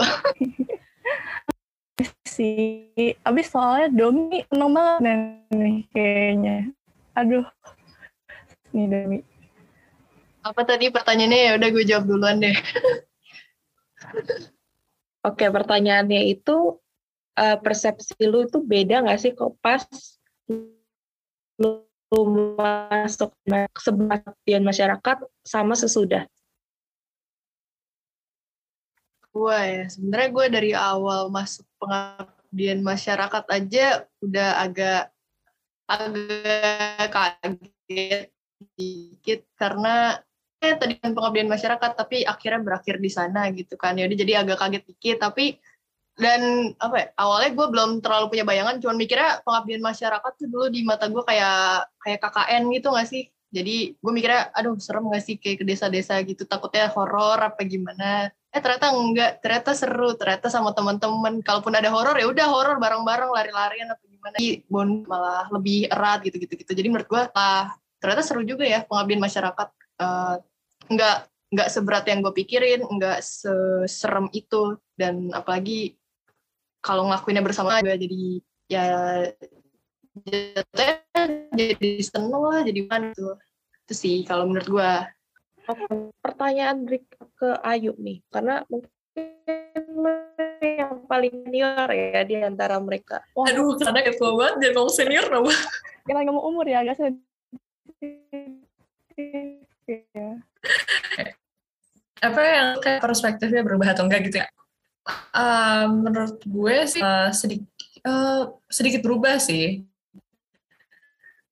Karena awalnya masuk uh, gue tahu pengabdian masyarakat itu lewat pembangun uh, empat kan gue sebutin dari empat nah jadi di situ gue nggak uh, berbasis riset. Jadi gue cuma dapat bagian ngebangunnya doang. Dan di situ banyak banget kayak pekerjaan tangan yang harus dikerjain. Jadi gue pikir kayak pertama tuh Pengmas kayak nguli gitu gue pikir karena gue harus nger, apa gergaji terus habis itu gue juga harus uh, apa namanya uh, ngurusi apa motong motong besi gitu ya banyak deh pokoknya. Terus gue pikir oh ini tuh mungkin kita lebih banyak ke kerja fisik atau hard work ya gue pikir gitu kan. Uh, tapi ternyata setelah ikut Pengmas Arsitektur kan kebetulan juga uh, apa namanya kalau yang bidang di Untar kan itu masuk departemen. Nah itu tuh ternyata juga ikut ngeriset gitu. Jadi uh, apa namanya uh, kita mesti ngeriset dari awal sampai akhir apa yang dibutuhin dan itu juga sambil ngebimbing peserta-peserta yang direkrut gitu. Uh, itu sesuatu yang baru sih karena awalnya gue pikir oh ya udah mungkin gue banyak kerja fisik gitu tapi ternyata nggak kayak oh, otak juga harus kerja gitu lah Nah, uh, tapi setelah itu ya uh, ya berubah sih. Jadi kayak oh ternyata emang banyak yang harus gue tahu. Gue harus banyak baca, gue harus banyak kepo tentang komunitas-komunitas. Ya jadi beda sih, beda banget. Boleh di uh, ini ya teman-teman sekalian. Kalau misalkan sebelum sama sesudah berarti beda banget uh, pengertian dari pengmas itu sendiri nih. Kalau kata senior kita, ilah. Gimana sih, oh? Ada tanggapan gak nih? Uh, lanjut dulu kali ya, karena mungkin gue lagi pengen denger dari keempat point of view orang-orang. Mungkin ke Nadia dulu. Um, kalau dari gue sebenarnya nggak uh, banyak jauh berbeda kalau dari definisinya gitu ya. Tapi uh, dari bentuknya sih gue banyak apa ya banyak belajar hal baru karena kebetulan kita ini generasi COVID gitu kan ya. Jadi um, sebelumnya tuh gue selalu mikir masyarakat tuh harus berupa aksi langsung gitu. Kayak kita harus membuat hal-hal yang besar dan bertemu semua orang gitu. Uh, sementara ketika gue jadi uh, kepala bidang dan bahkan gue jadi sebelumnya gue jadi staff itu uh, ya langsung kena covid gitu. Jadi kita benar-benar harus muter otak gimana kita bisa mendefinisikan ulang lagi kayak uh, pengabdian masyarakat itu kayak gimana sih gitu. Dan uh, dari situ ya udah gue bisa tahu kalau uh, mungkin gak harus hal-hal besar yang kita lakuin gitu. Apa pun yang kita uh, berikan gitu pada uh, ujungnya juga bisa disebut uh, pengabdian masyarakat kan. Uh, tergantung ya intensi kita apa di awal. Dan uh, gue kayak lebih ke benar kata uh, Ayu tadi gitu sih. Kayak kita akhirnya uh, perlu belajar banyak gitu. Karena untuk kita ngasih sesuatu ke orang kan kita harus punya dulu kan sesuatunya itu. Jadi ya mau nggak mau ya kita harus belajar dulu kayak apa yang kita kasih ke orang gitu. Dan uh, ya di situ hal yang gak gue expect gitu sih awalnya gitu. Karena gue kira awalnya cuma kayak ayo ah, ya udah gue tinggal ngelakuin aja kan yang penting gue bertemu masyarakat gitu. Tapi uh, sekarang gue juga tahu kalau ya udah kayak kita harus belajar dulu sebelum itu. Hmm, iya iya gue ngerti sih maksudnya gimana mungkin kita langsung lanjut aja ke mau hmm, mungkin mau ada per, mau gue ulang pertanyaannya enggak? Enggak uh, masih nangkep soal pengemasnya kan ya? Ya paling apa ya awal-awal pasti betulnya maaf ya kalau berisik.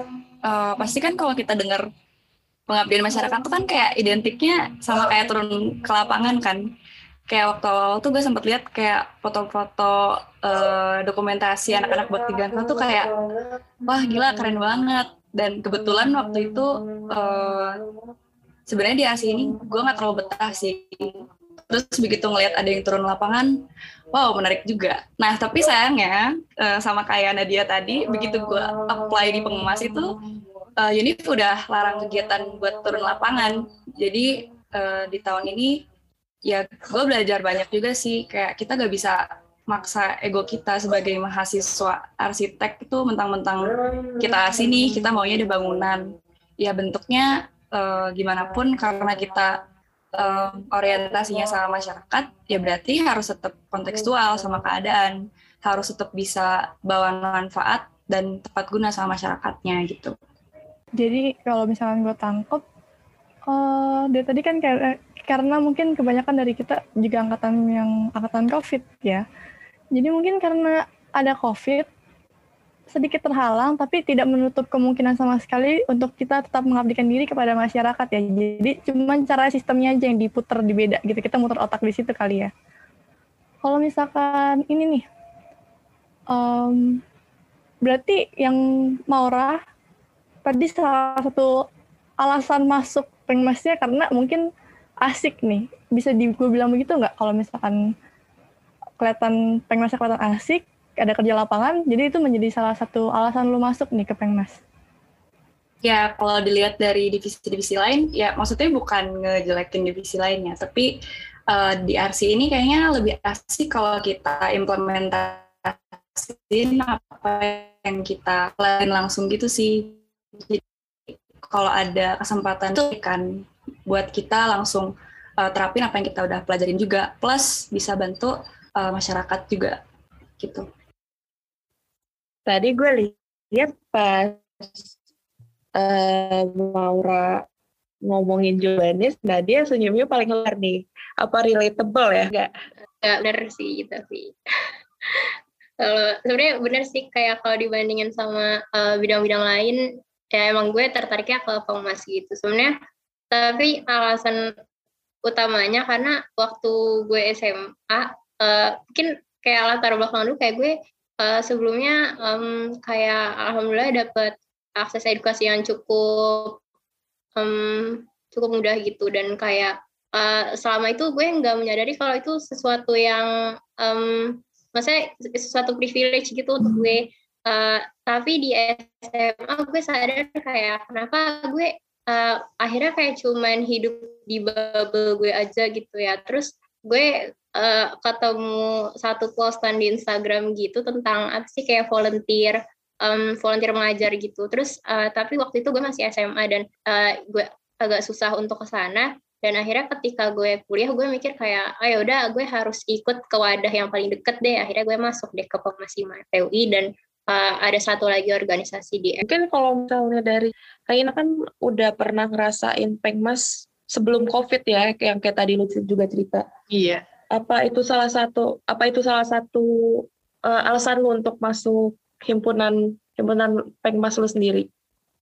Uh, ya, itu bisa jadi salah satu alasan untuk masuk karena mikirnya, wah gue kalau masuk himpunan bisa ngerasain jadi panitianya langsung nih, tahu seluk beluk di baliknya jadi uh, apa ya, seluk beluknya tuh harus kayak apa, step-stepnya harus uh, ngapain aja yang diurusin, hubungin ke mana-mana dan bisa lebih uh, terkoneksi sama lebih banyak orang gitu kan daripada jadi partisipan aja. Ya meskipun jadi partisipan juga seru-seru aja karena uh, ya udah kita ngerjain job kita masing-masing cuma taunya have fun aja gitu nggak tahu pusing-pusing di balik layarnya gitu.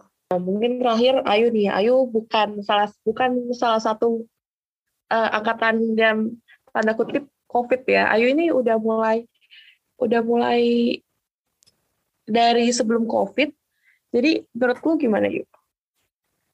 Uh, kalau gue sih itu ya waktu itu tuh kebetulan uh, yang waktu gue jadi ketua Pengmas itu udah transisi tuh ke COVID. Jadi emang uh, pertamanya yang kita riset-riset pertama itu masih boleh offline ya, masih boleh survei-survei, masih boleh ngunjungin. Tapi begitu uh, begitu kehantam COVID, akhirnya nggak uh, semuanya gitu. Tadinya kan kalau survei kan bareng-bareng rame-rame gitu, bagi-bagi tugas. Tapi kalau misalnya yang uh, udah COVID ini kita mesti kayak uh, apa namanya giliran gitu loh siapa yang ke sana gitu. Uh, jadi bagi-bagi tugas aja gitu. Eh tadi tuh itu pertanyaannya kan ya? Kayak maksudnya gimana feelnya gitu kan? Iya iya.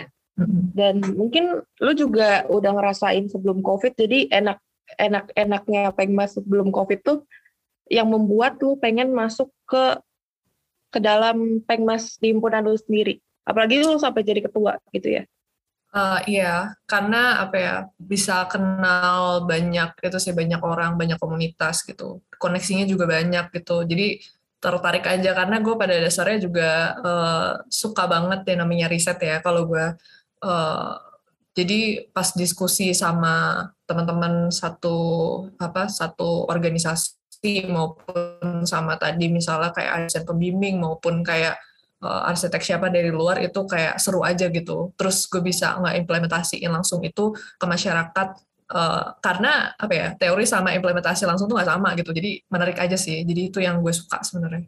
Itu yang buat gue pengen masuk pengabdian masyarakat.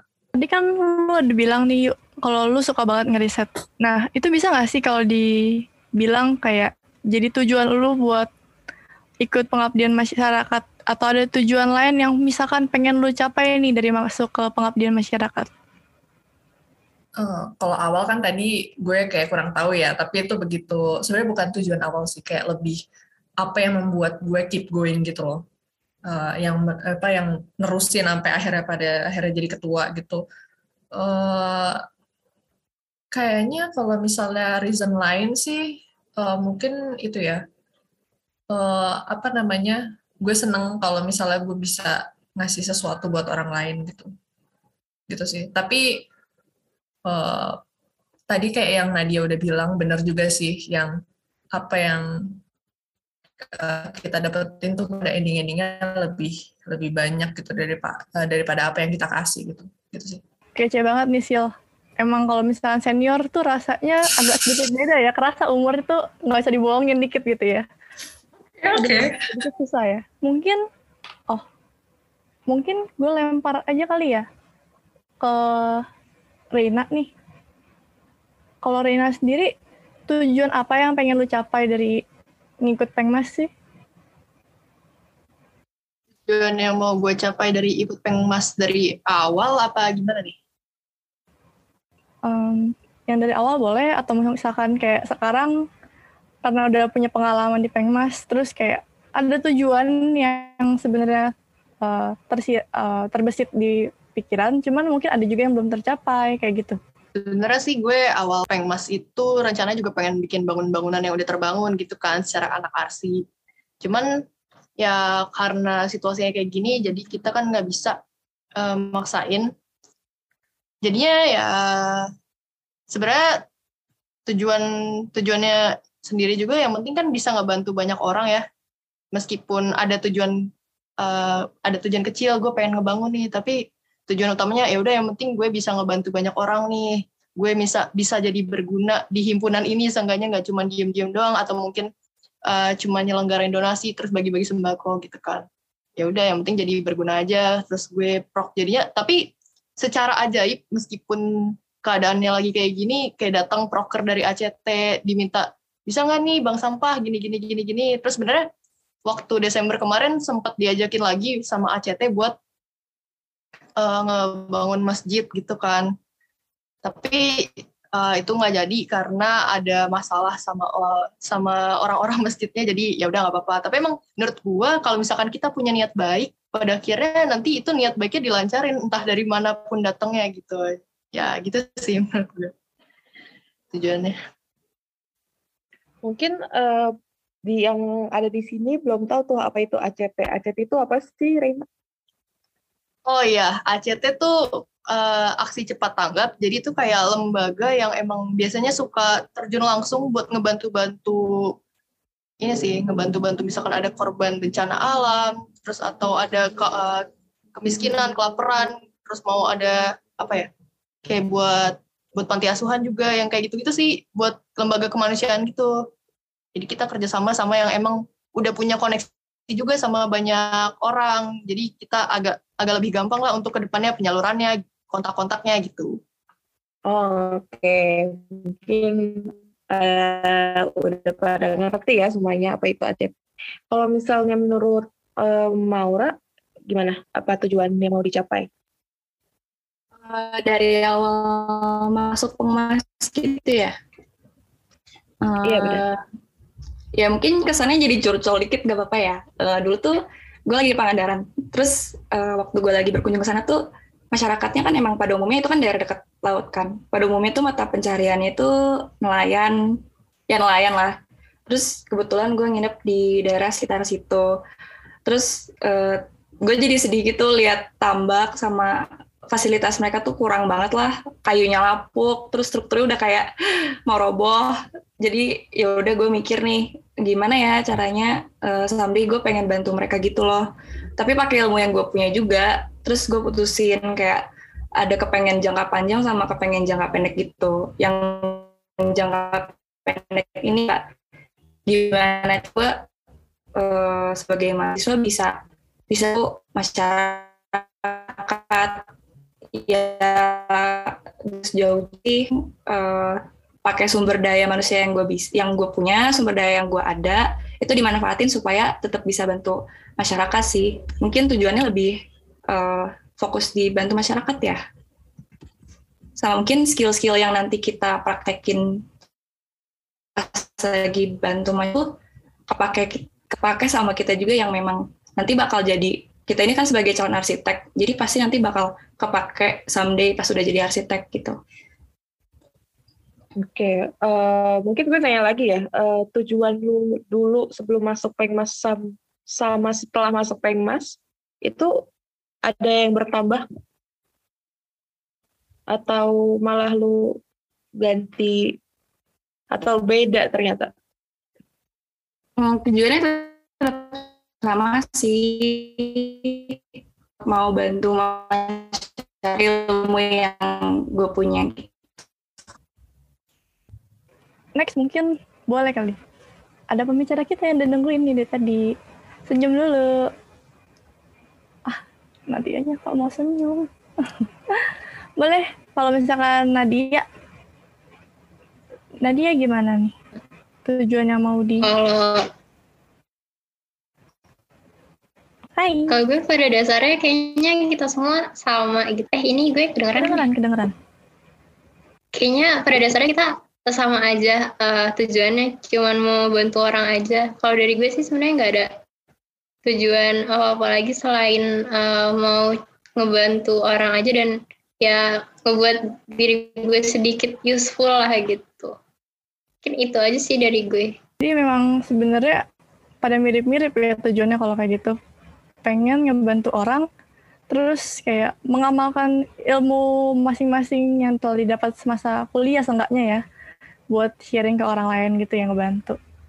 Hmm, kalau gitu karena kita kan ngomongin sharing ilmu nih, sharing ilmu yang didapat selama di kampus. Menurut kalian ada nggak sih perbedaan sebelum dan sesudah ikut pengabdian masyarakat dari bidang akademik maupun non akademik? Kalau misalkan kayak dari akademik kan siapa tahu ada kita ngebantu orang secara nggak langsung akademik kita juga kebantu nih sama mereka. Mungkin boleh Nadia dulu nih. Halo. Hmm, kalau gue Oke. sebenarnya mungkin eh kalau Iya, Lanjut lanjut. kedengeran kedengeran, kedengeran. Oke, kalau dari gue tuh eh, apa ya? Sejujurnya banget kayak gue tuh em, bukan yang orang yang kayak aduh aku mau masuk arsitektur banget gitu. Waktu awal gue masuk arsitektur gitu. Sehingga kayak pas gue masuk arsitektur dan gue ngeliat eh, gimana kita selalu ber mungkin ini udah gue omongin tadi gitu ya. Kayak eh, kita selalu melihat tentang ya arsitek bangunan-bangunan yang lalala estetik dan semacamnya gitu. Eh, terus sejujurnya setelah beberapa semester gue mulai jenuh gitu. Kayak emang arsitektur gini doang ya, ya maksudnya nggak gini doang sih, maksudnya kayak apakah arsitektur cuman em, eh, maksudnya apakah benar gitu pada akhirnya arsitektur cuman berpihak pada eh, orang-orang kalangan atas gitu. Gue eh, mulai mempertanyakan itu, terus gue mulai em, jenuh aja dengan em, segala kestudioan dan semacam ini. Tapi eh, semenjak gue um, belajar, maksudnya semenjak gue di Pengmas dan walaupun eh, gue mungkin eh, belum bisa merealisasikan apa pun di Pengmas gitu, tapi eh, di proses belajarnya gue ya makin sadar aja kalau ternyata bahkan di arsitektur pun kita juga bisa gitu eh, menerapkan pengabdian masyarakat gitu. Jadi ya pada akhirnya ya udah arsitektur gak cuman hanya untuk em, orang-orang kalangan atas aja gitu, tapi kita juga bisa berpihak kepada orang-orang lain gitu. Dan em, menurut gue itu bisa ngejadiin satu motivasi gue lagi sih untuk ya udah stay di jalan, stay di path ini gitu. Hmm, menarik banget karena mungkin dari gue sendiri pun tebal gitu ya. Oke. Kalau dari dari Ayu tadi Ayu kan ngomong kalau misalnya di pengabdian masyarakat itu eh, ini pertanyaan tambahan ya guys. Eh, di pengabdian masyarakat tuh harus mempunyai sense of belongingnya. Tapi gimana sih kalau seandainya orang yang mau yang ikut menjadi ikut menjadi volunteer pengabdian masyarakat ternyata nggak punya rasa sense of belongingnya itu. Oke, mungkin gue lempar lagi pertanyaannya ke Maura. Eh, biasanya kan himpunan tuh dapat dana dari eh, DKM. DKM tuh dari Univnya langsung kan. Terus kita ada divisi sponsor tuh biasanya nyari-nyari eh, duit dari sponsor. Terus eh, kalau kepepet banget baru ada dan- danusan kan. Hmm, ya mungkin harus realistis juga ya. Kalau emang dananya nggak mencukupi, Terus dari segi organisasi juga dari himpunan kita, dari teman-teman sponsor sama Danus mungkin eh, udah eh, kurang memungkinkan buat dijalanin, kayaknya juga harus mundur dulu deh. Kecuali eh, mungkin Baik, putus lagi ya Mauranya. Oke, mungkin maksud dari Maura tuh kita realistis gitu ya. Jadi kalau seandainya emang darinya tidak mencukupi, jadi kita mundur dulu. Gitu kali ya. Oke, kita mungkin selagi menunggu, kita lanjut aja ke Ayu. Eh, paling dari gue sih eh, sama sih kurang lebih jawabannya kayak Nadia gitu. Selama misalnya memang ada waktu itu masih bisa diakalin jadi eh, apa ya mengalihkan sesuatu yang lain gitu. Karena kan eh, contohnya misalnya kayak kemarin yang pas revitalisasi revitalisasi pertama kamu ke Apung itu kan sebenarnya eh, itu masih gambling gitu. Kita eh, kita belum fix banget apa yang mau dibangun, tapi harus udah minta dana dulu nih gitu kan. Jadi eh, kemarin eh, kita nentuin satu itu satu standar gitu, eh, satu patokan lah. Oh kira-kira begini gitu. Dan dari situ misalnya nanti kalau emang eh, kurang ya nanti kita bisa eh, alihkan misalnya, oh uh, mungkin kita bisa ada pembangunan yang dikurangin karena kan itu kemarin pas revitalisasi pertama itu ada ada tiga tiga yang harus dibangun kan tapi kalau misalnya emang lebih, nanti kita bisa juga ngasih sumbangan karena waktu itu uh, udah mulai masuk-masuk COVID, kita juga bisa ngasih sembako gitu kan. Karena yang dibutuhin masyarakat justru itu gitu, siapa tahu gitu. Nah, uh, gitu sih paling kurang lebih sih sama ya kayak gitu.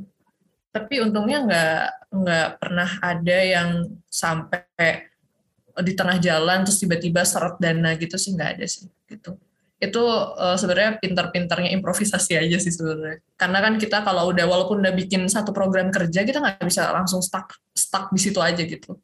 Harus improvisasi gitulah gitu. Ya mungkin pertanyaan terakhir eh iya terakhir gue uh, ingin Reina nih untuk jawab. Ah, oke tentang dana ya. Hmm, kalau dari zaman Bakim sih ini sih lebih ke seharusnya emang dari awal direncanain dengan detail. Cuma namanya ke, uh, pas udah terjun ke lapangan kan nggak ada yang tahu juga ya dana ada perintilan-perintilan kecil yang tidak terduga. Nah itu uh, harusnya dari awal mungkin kita ngelakuin perencanaan yang baik.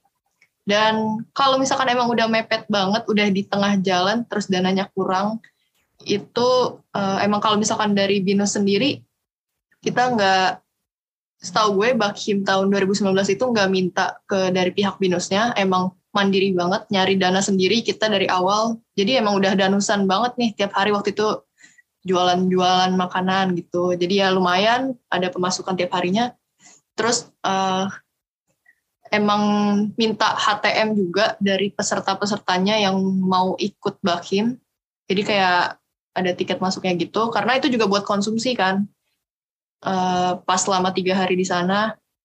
Terus kalau misalkan emang udah mepet banget lagi, mungkin bisa minta bantuan ke jurusan, ke dosen-dosen gitu. Itu sih kalau misalkan dari gue. Dan kalau misalkan emang udah nggak bisa semuanya ya mau nggak mau diundur. Tuh, kalau misalkan emang udah nggak sesuai. Dan selama pengunduran itu ya udah kita putar otak, entah nyari sponsor, atau minta nyari donatur gitu. Kalau dari Binus. Itu sih. Oh, berarti dari BINUS nggak ada dana yang dari BINUS sendiri gitu ya? Jadi kalian gempor-gemporan nyari dana gitu? Iya, setahu gue kayak gitu. Kita nggak ada dana dari BINUSnya. Hmm, keren, keren. Mungkin dana itu bisa dibilang sensitif ya. E, masalah yang sensitif. Nah, sekarang kita lanjut ke pertanyaan berikutnya yang masih ada aja nih kaitannya. Dari panitianya sendiri yaitu Tia. Halo, mau nanya, kira-kira kendala apa yang kalian hadapi selama mengikuti pengabdian masyarakat? Thank you. Mungkin dijawab lagi mungkin dari Nadia ya. Ini kendala-kendala kecil atau enggak kendala-kendala besar?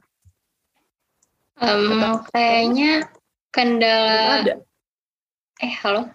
Halo atau atau belum ada ya kendalanya? Uh, pasti ada enggak sih?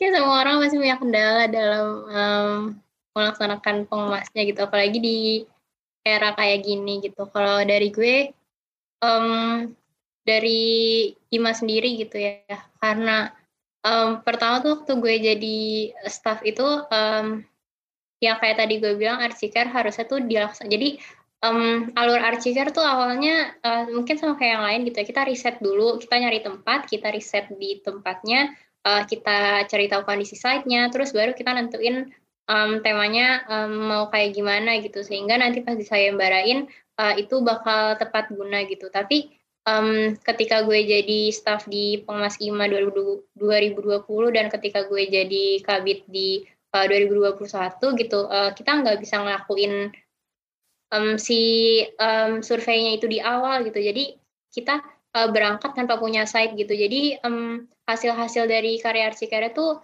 uh, sebebas itu dan um, dengan dia bisa diletakkan di mana aja gitu. Dan uh, itu jadinya uh, menurut gue susah banget untuk kita nentuin oh ini bakal kita realisasiin di mana gitu. Karena dari pesertanya sendiri juga mereka nggak ada bayangan itu akan ditaruh di mana gitu kan. Dan uh, pas kita akhirnya nemuin site uh, site itu ternyata nggak um, kalau misalkan um, karya, karya itu ditaruh di site itu tuh uh, harus melalui banyak revisi gitu. Dan akhirnya itu kita, uh, dari Pengmas 5 2021 kita revisi lagi uh, banyak. Dan akhirnya tuh itu makan waktu banyak. Dan pas di akhir kita tahu dananya itu ternyata bengkak banget uh, itu jadi nggak bisa kita realisasiin gitu karena udah terlalu mepet sama akhir kepengurusan gue itu sih mungkin kendala terbesarnya terus uh, karena uh, apa ya karena ini um, kayak covid juga gitu jadi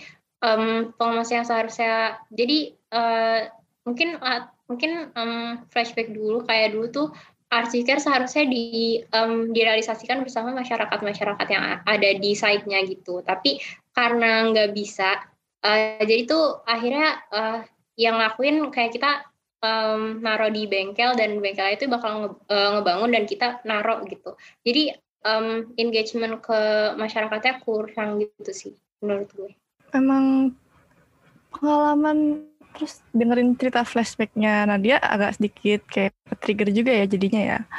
Uh, tapi gue coba lanjut dulu nih ke Reina kali ya. Reina, kira-kira gimana nih kendala yang dihadapin selama ngikutin Pengmas?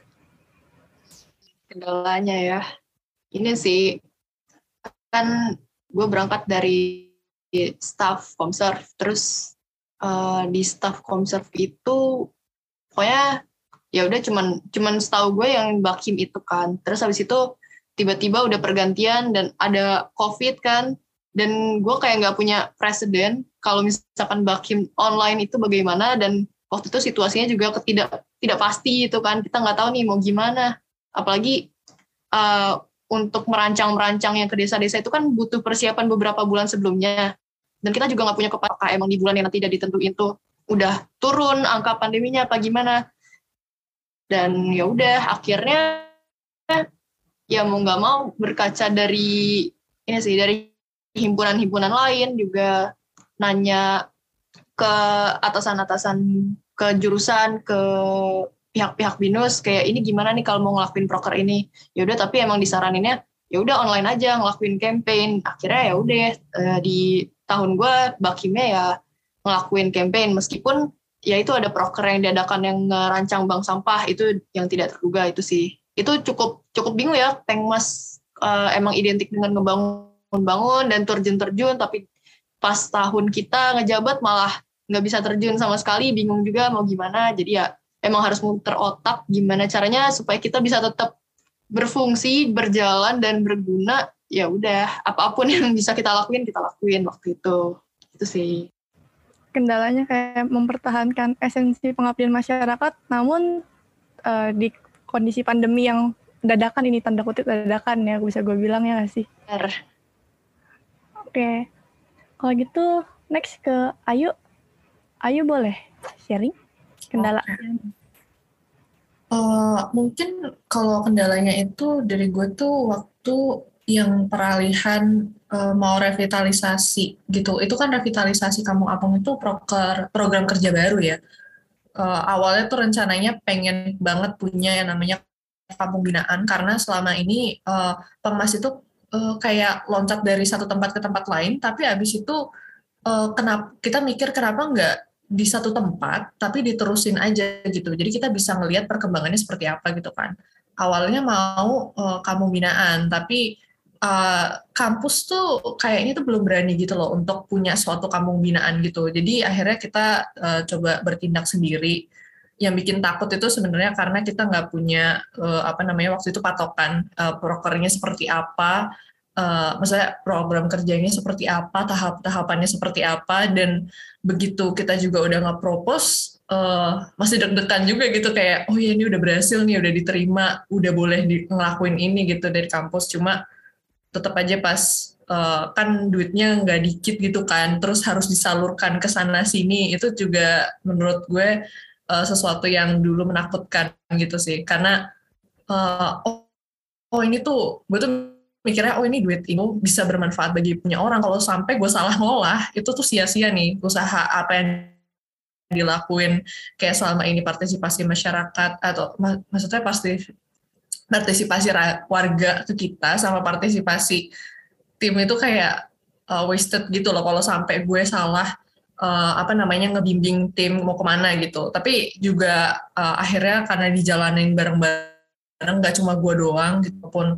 Gue ketua tapi gue dapat support banyak banget dari anggota itu yang kayak diskusi bareng ini duitnya mesti gimana kita mesti gimana langkah selanjutnya? Walaupun di tengah jalan juga kadang ada improvisasi uh, itu sih yang susah kayak mem memulai sesuatu yang baru gitu karena kan pasti takut juga ya apalagi kalau misalnya ya tadi kalau sampai ternyata kebuang sia-sia gitu kan itu kan bagian dari tanggung jawab gitu itu sih tanggung jawab sih tanggung jawab yang bikin uh, yang bikin agak takut gitu oke okay, Thank you Ayu, keren banget nih. Tapi uh, eh, gue next lagi ya ke Maura. Maura boleh? Boleh diulang nggak pertanyaannya? Sorry. Uh, kendala apa sih yang lo hadapin selama ngikutin pengabdian masyarakat? Oh, Oke, okay. mungkin uh, gue cerita dari Proker Bakti Ganva ya. Pertama itu kita ini kan terintegrasi sama teman-teman sipil. Jadi dari segi timeline tuh sering banget kita nabrak, terus uh, banyak banget kita uh, ngalamin kemunduran dari segi timeline. Terus uh, waktu itu kan kita belum sempat dapat kepastian bentukan Bakti Ganva itu offline atau online. Uh, kita ini angkatan pertama yang nekat ada offline-nya dikit-dikit di tengah-tengah pandemi gitu. Uh, sama kayak yang tadi Ayu sempat bilang, susah buat uh, mulai sesuatu yang baru ya. Jadi kita lama ngerembuk didiskusiin proses pengembangan uh, bentukan kita tuh jadi ya tersendat gitu deh lebih banyak diskusinya. Terus uh, dari segi perolehan data waktu itu kita ke desa itu waktu lagi zaman-zaman PSBB PPKM gitu-gitu deh. Jadi uh, kita punya banyak kendala buat turun ke lapangan. Jadi datanya kurang lengkap Terus um, pas sudah ada datanya, validasi datanya susah buat dilakuin kan. Terus dari pihak panitianya juga sempat uh, mengalami kendala sama masyarakat desanya karena ternyata mereka gaptek, maksudnya belum belum biasa pakai handphone. Jadi buat respon tuh mereka adalah dua atau tiga minggu buat kasih feedback. Jadi mungkin uh, apa ya rekomendasinya buat uh, Bakti Ganva atau uh, teman-teman lain di himpunan lain yang punya proker proker-proker pembangunan juga mungkin kita juga perlu ninjau ulang bentukannya gitu loh supaya tetap uh, kontekstual sama teman-teman panit dan masyarakat kampungnya. Karena uh, sekali lagi kan kita orientasinya ke masyarakat.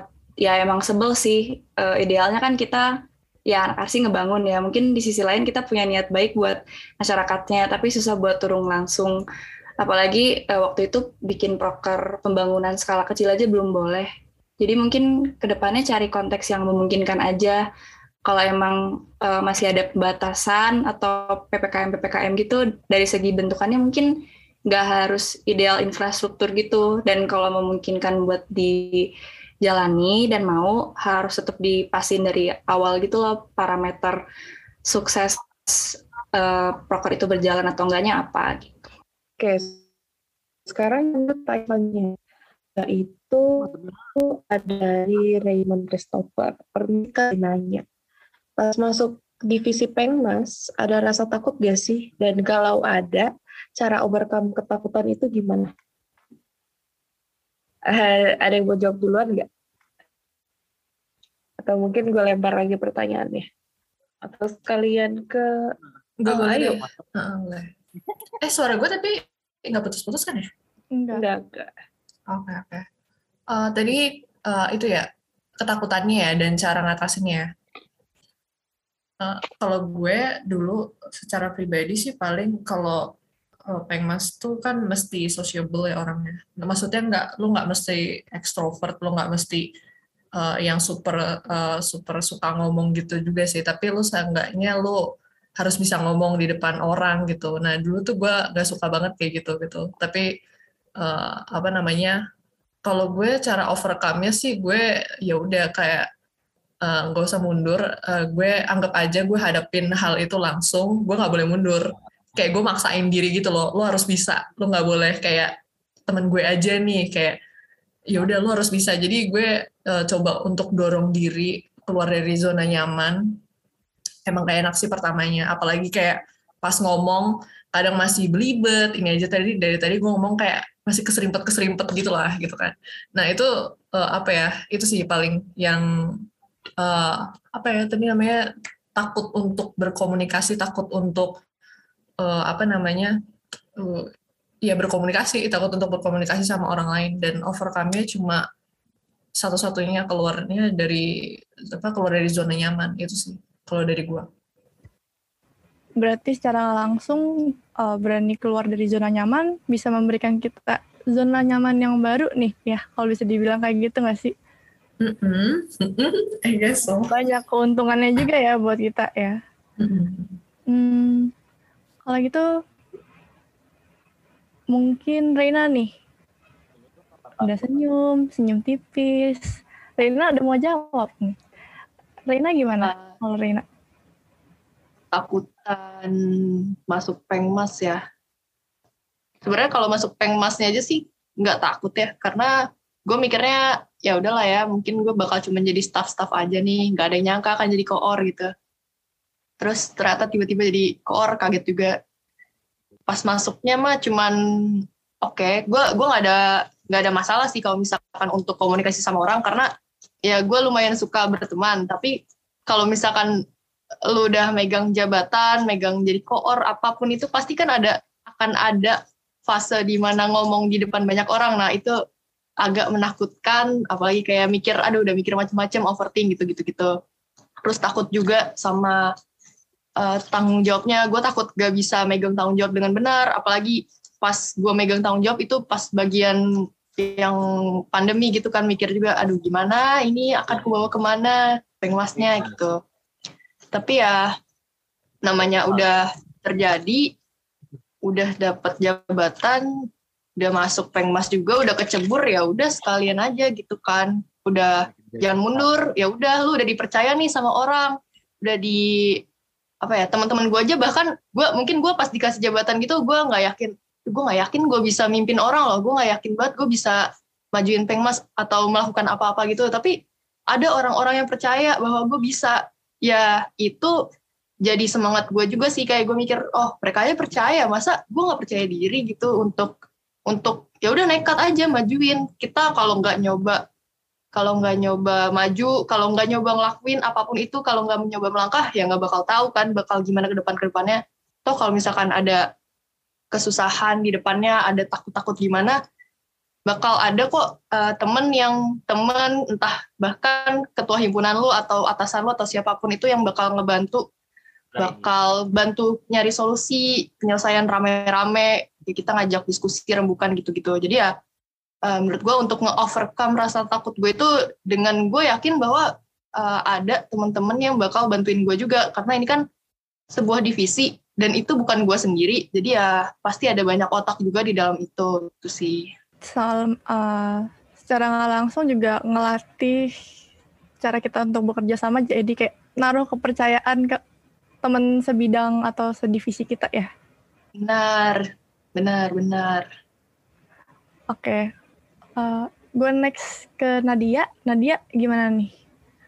Um, mungkin gue agak mirip ya kayak waktu awal gue masuk sebagai staff gitu gue nggak ada pikiran apa-apa kayak ya udah gue masuk aja dan gue jalanin gitu tapi um, ketika gue ngejalanin itu mungkin di situ sih banyak ketakutannya kayak misalkan ada program kerja yang di mana gue harus um, ngundang banyak mahasiswa arsitektur uh, dari UI gitu terus di situ ya gue takut gimana kalau ternyata um, orang-orang uh, reaksinya terhadap kegiatan pengabdian masyarakat tuh nggak seantusias itu gitu. Gimana kalau uh, sepi, gimana kalau uh, mereka gak ada yang mau datang kayak gitu. Terus kalau misalkan um, kayak kayak archicare gitu kan archicare um, harus ditaruh di um, kayak site gitu ya. Uh, di situ waktu gue jadi BP gue kayak takut gimana kalau misalkan orang yang nggak suka sama apa yang kita kasih dan semacamnya?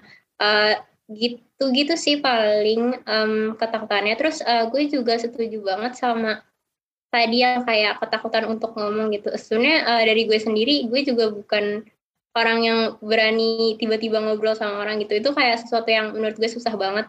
Apalagi uh, ketika gue jadi um, ketika gue masuk di sebuah divisi kan nggak mungkin gue kerja sendiri doang kan gue juga harus kerja sama teman-teman yang lain gitu uh, kayak gue harus berkoordinasi sama teman-teman internal divisi gue, teman-teman internal uh, IMA, terus uh, eksternal juga gitu. Dan itu bukan sesuatu yang gampang untuk gue sih. Dan gue orangnya overthinking banget gitu. Uh, jadi gue takut sama semua hal sebenarnya.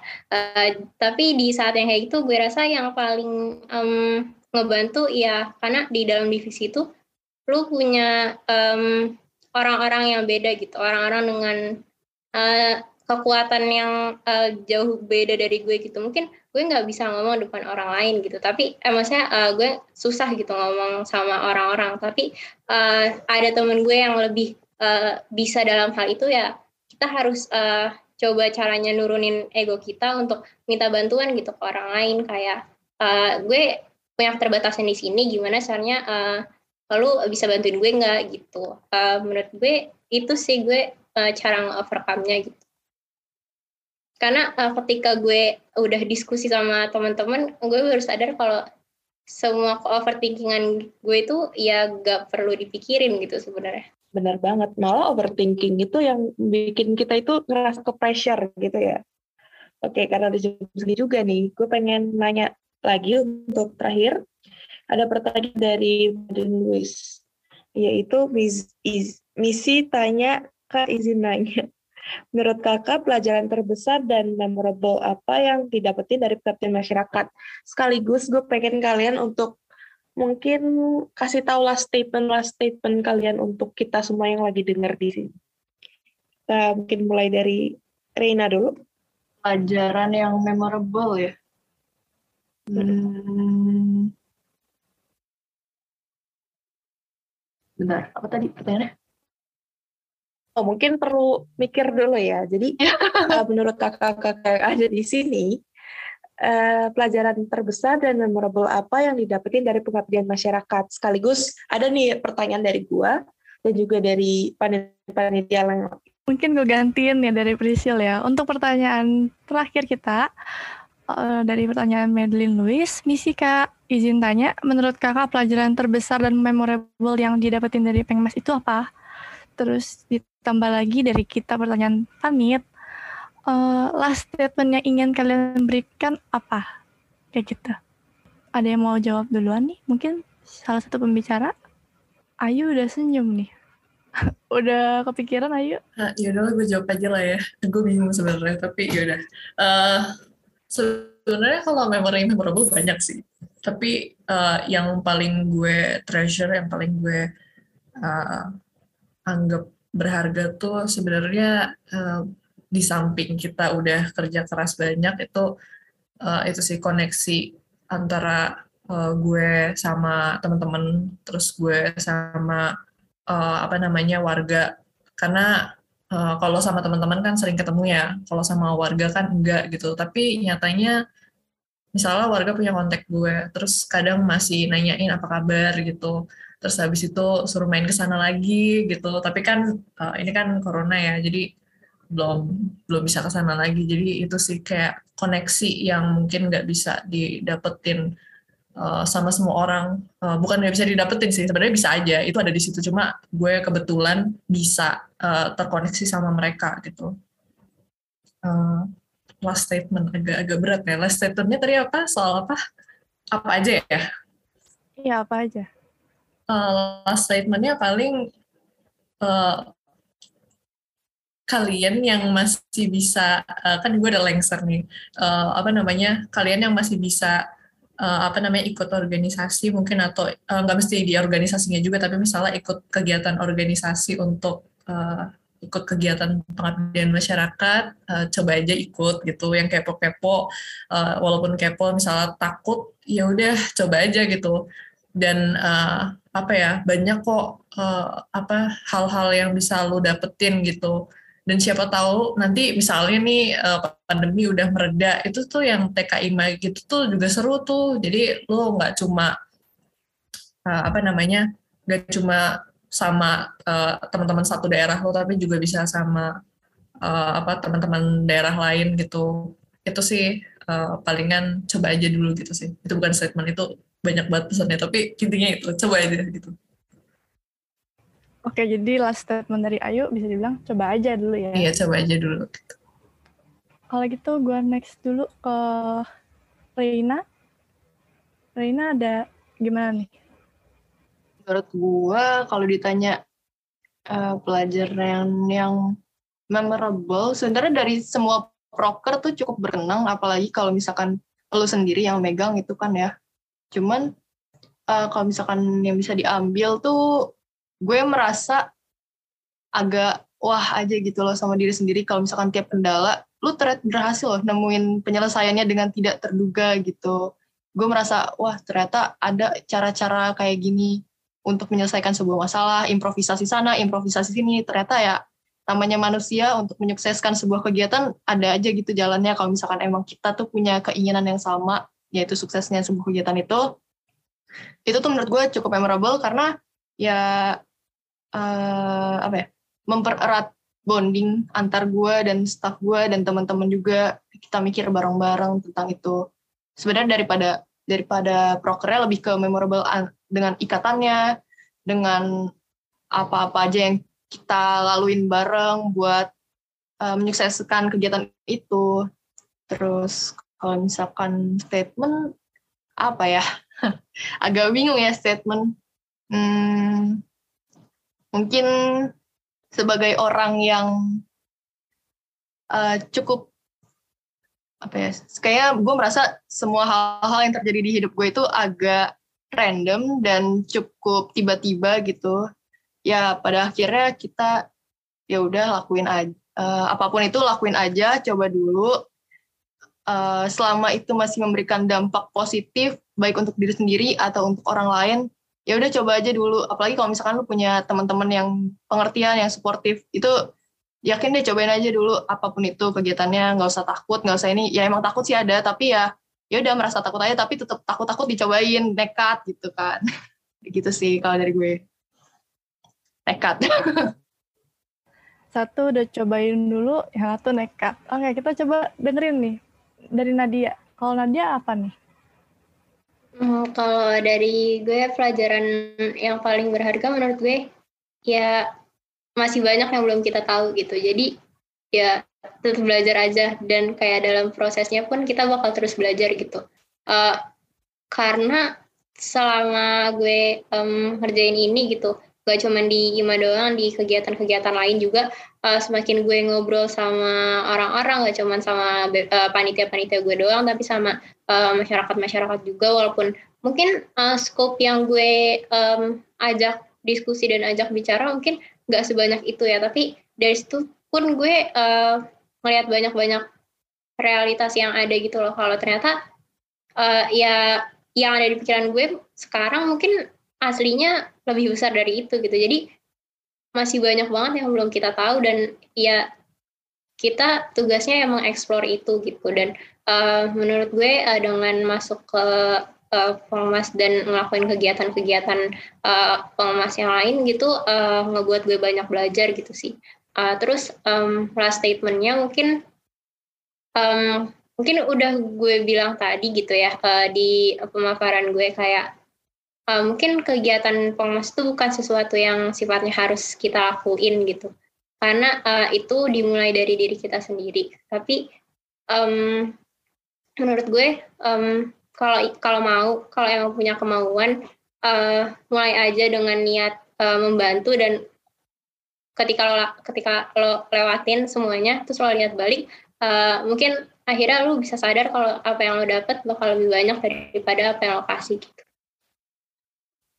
Keren banget apa yang lo dapat akan lebih banyak daripada apa yang lo kasih. Iya, itu mantep banget ya dari tadi ya. Terus harus kita taruh di otak juga kayaknya ya, Prisil. Iya, benar banget. Oke, mungkin ini ada Maura? Ada, sorry ya, off cam dulu tadi putus-putus banget. Oke, uh, pertanyaannya mau diulang nggak? Uh, boleh. Oke, jadi uh, ada pertanyaan terakhir dari yang namanya Bilen Luisti. Menurut kakak, apa pelajaran terbesar dan mem dan memorable yang da yang didapetin dari pengabdian masyarakat? Dan last statement lu untuk seluruh orang yang, lagi dengerin talk show ini nih. Hmm, memorable tuh tadi, oh uh, sebenarnya dari dari tadi ada sempat pertanyaan soal ketakutan ya. Uh, gue belajar kalau ketakutan mah pasti ada. Apalagi waktu itu gue uh, personally bukan anak himpunan banget. Jujur aja nggak terlalu aktif deh. Tapi namanya juga takut ya belum juga dilakuin kalau kita, bukan kita yang maju siapa lagi karena uh, buat gue itu agak kepaksa ya karena kondisinya itu kan gue udah jadi kordif. Situ gue belajar buat uh, tahu kekurangan sama kelebihan nggak usah jauh-jauh dulu mungkin uh, diri sendiri aja pasti kalau bikin proker tuh uh, atau jangan proker deh. Di SMA dulu kan kita sempat bikin kayak SWOT gitu ya uh, apa strength with weakness opportunity. Ya mungkin dari situ kita bikin kayak matriksnya gitu loh gimana cara overcome weakness kita sama uh, strength dan opportunity kita. Lanjut dari diri sendiri loncat ke organisasi kehimpunan baru ke divisi pemas uh, di COVID ini gue ngerasa paling penting buat tetap bonding sih. Jujur awal-awal bingung juga caranya gimana tetap bonding di tengah-tengah zoom-zooman bareng. Tapi ya gue rasa worth it banget sih begadang bareng terus. Terus uh, perlu buat punya hubungan yang dekat sama teman-teman internal dulu. Nah uh, tadi lanjut dari SWOT uh, yang bikin memorable tuh di situ kita belajar bareng-bareng buat diskusiin kira-kira uh, gimana ya caranya kita overcome uh, weakness kita pakai strength kita. Jadi gue belajar kalau ketakutan itu harus diselesaikan gitu loh. Gimana ketakutan kita itu bukan hanya di pikiran doang tapi dituntaskan. Kalau uh, statement terakhir mungkin uh, selama pandemi ini kita belajar bantu masyarakat ini banyak banget jalan menuju Romanya ya. Mungkin ke depannya cari konteks yang lebih memungkinkan aja. Terus uh, harus tetap berorientasi sama masyarakat dan mungkin bingung juga sih tapi statement terakhirnya jangan takut buat berinovasi buat mengabdi. Oke, keren banget nih. Kita udah dengar lah statement dari keempat pembicara kita nih. Jadi sekarang kita bisa mengangkat kesimpulan ya, Mei ya?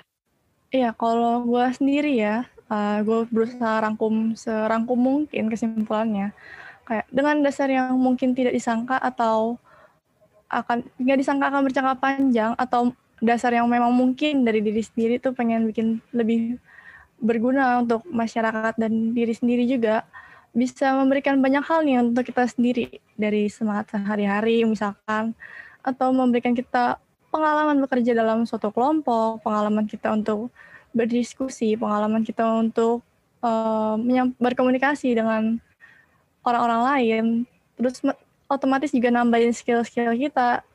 Uh, tapi walaupun kayak sekarang kan lagi konteksnya agak ada kendala pandemi gitu ya. Jadi membuat kita secara nggak langsung keluar dari zona tanda kutip nyaman yang ada sebelumnya, entah itu dari pengalaman para panitia di atas kita atau bayangan kita kayak apa sih yang bakalan terjadi di uh, ketika kita melakukan pengabdian masyarakat. Tapi kalau kita semua dari diri sendiri pengen ngelakuin, pasti semua juga ada jalan dan tentunya pasti dilancarkan. Kalau mungkin ada yang mau nambahin kali kesimpulannya nih. Mungkin udah nggak ada kali ya, udah jelas tadi ya. Oke, karena mungkin acara sesi Q&A-nya juga udah selesai. Minta maaf banget untuk teman-teman yang tadi nanya dan nggak bisa terjawab. Mungkin di lain waktu ya. Atau bisa aja nih langsung ngechat panitianya dan kita bakal langsung sampaikan ke pembicara-pembicara kita ini. Oke, sekarang kita udah selesai. Makasih banget untuk empat pembicara kita. Dengan ini, kami selaku moderator mengembalikan acara kembali kepada Michael selaku MC.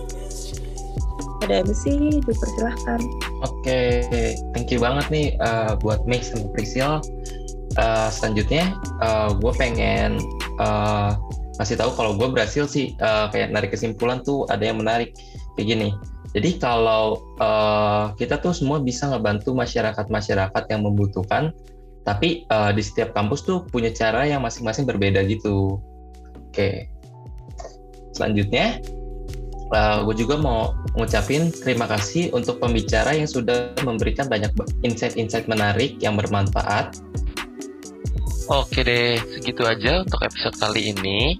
Terima kasih buat teman-teman yang sudah dengerin sampai akhir acara episode kali ini.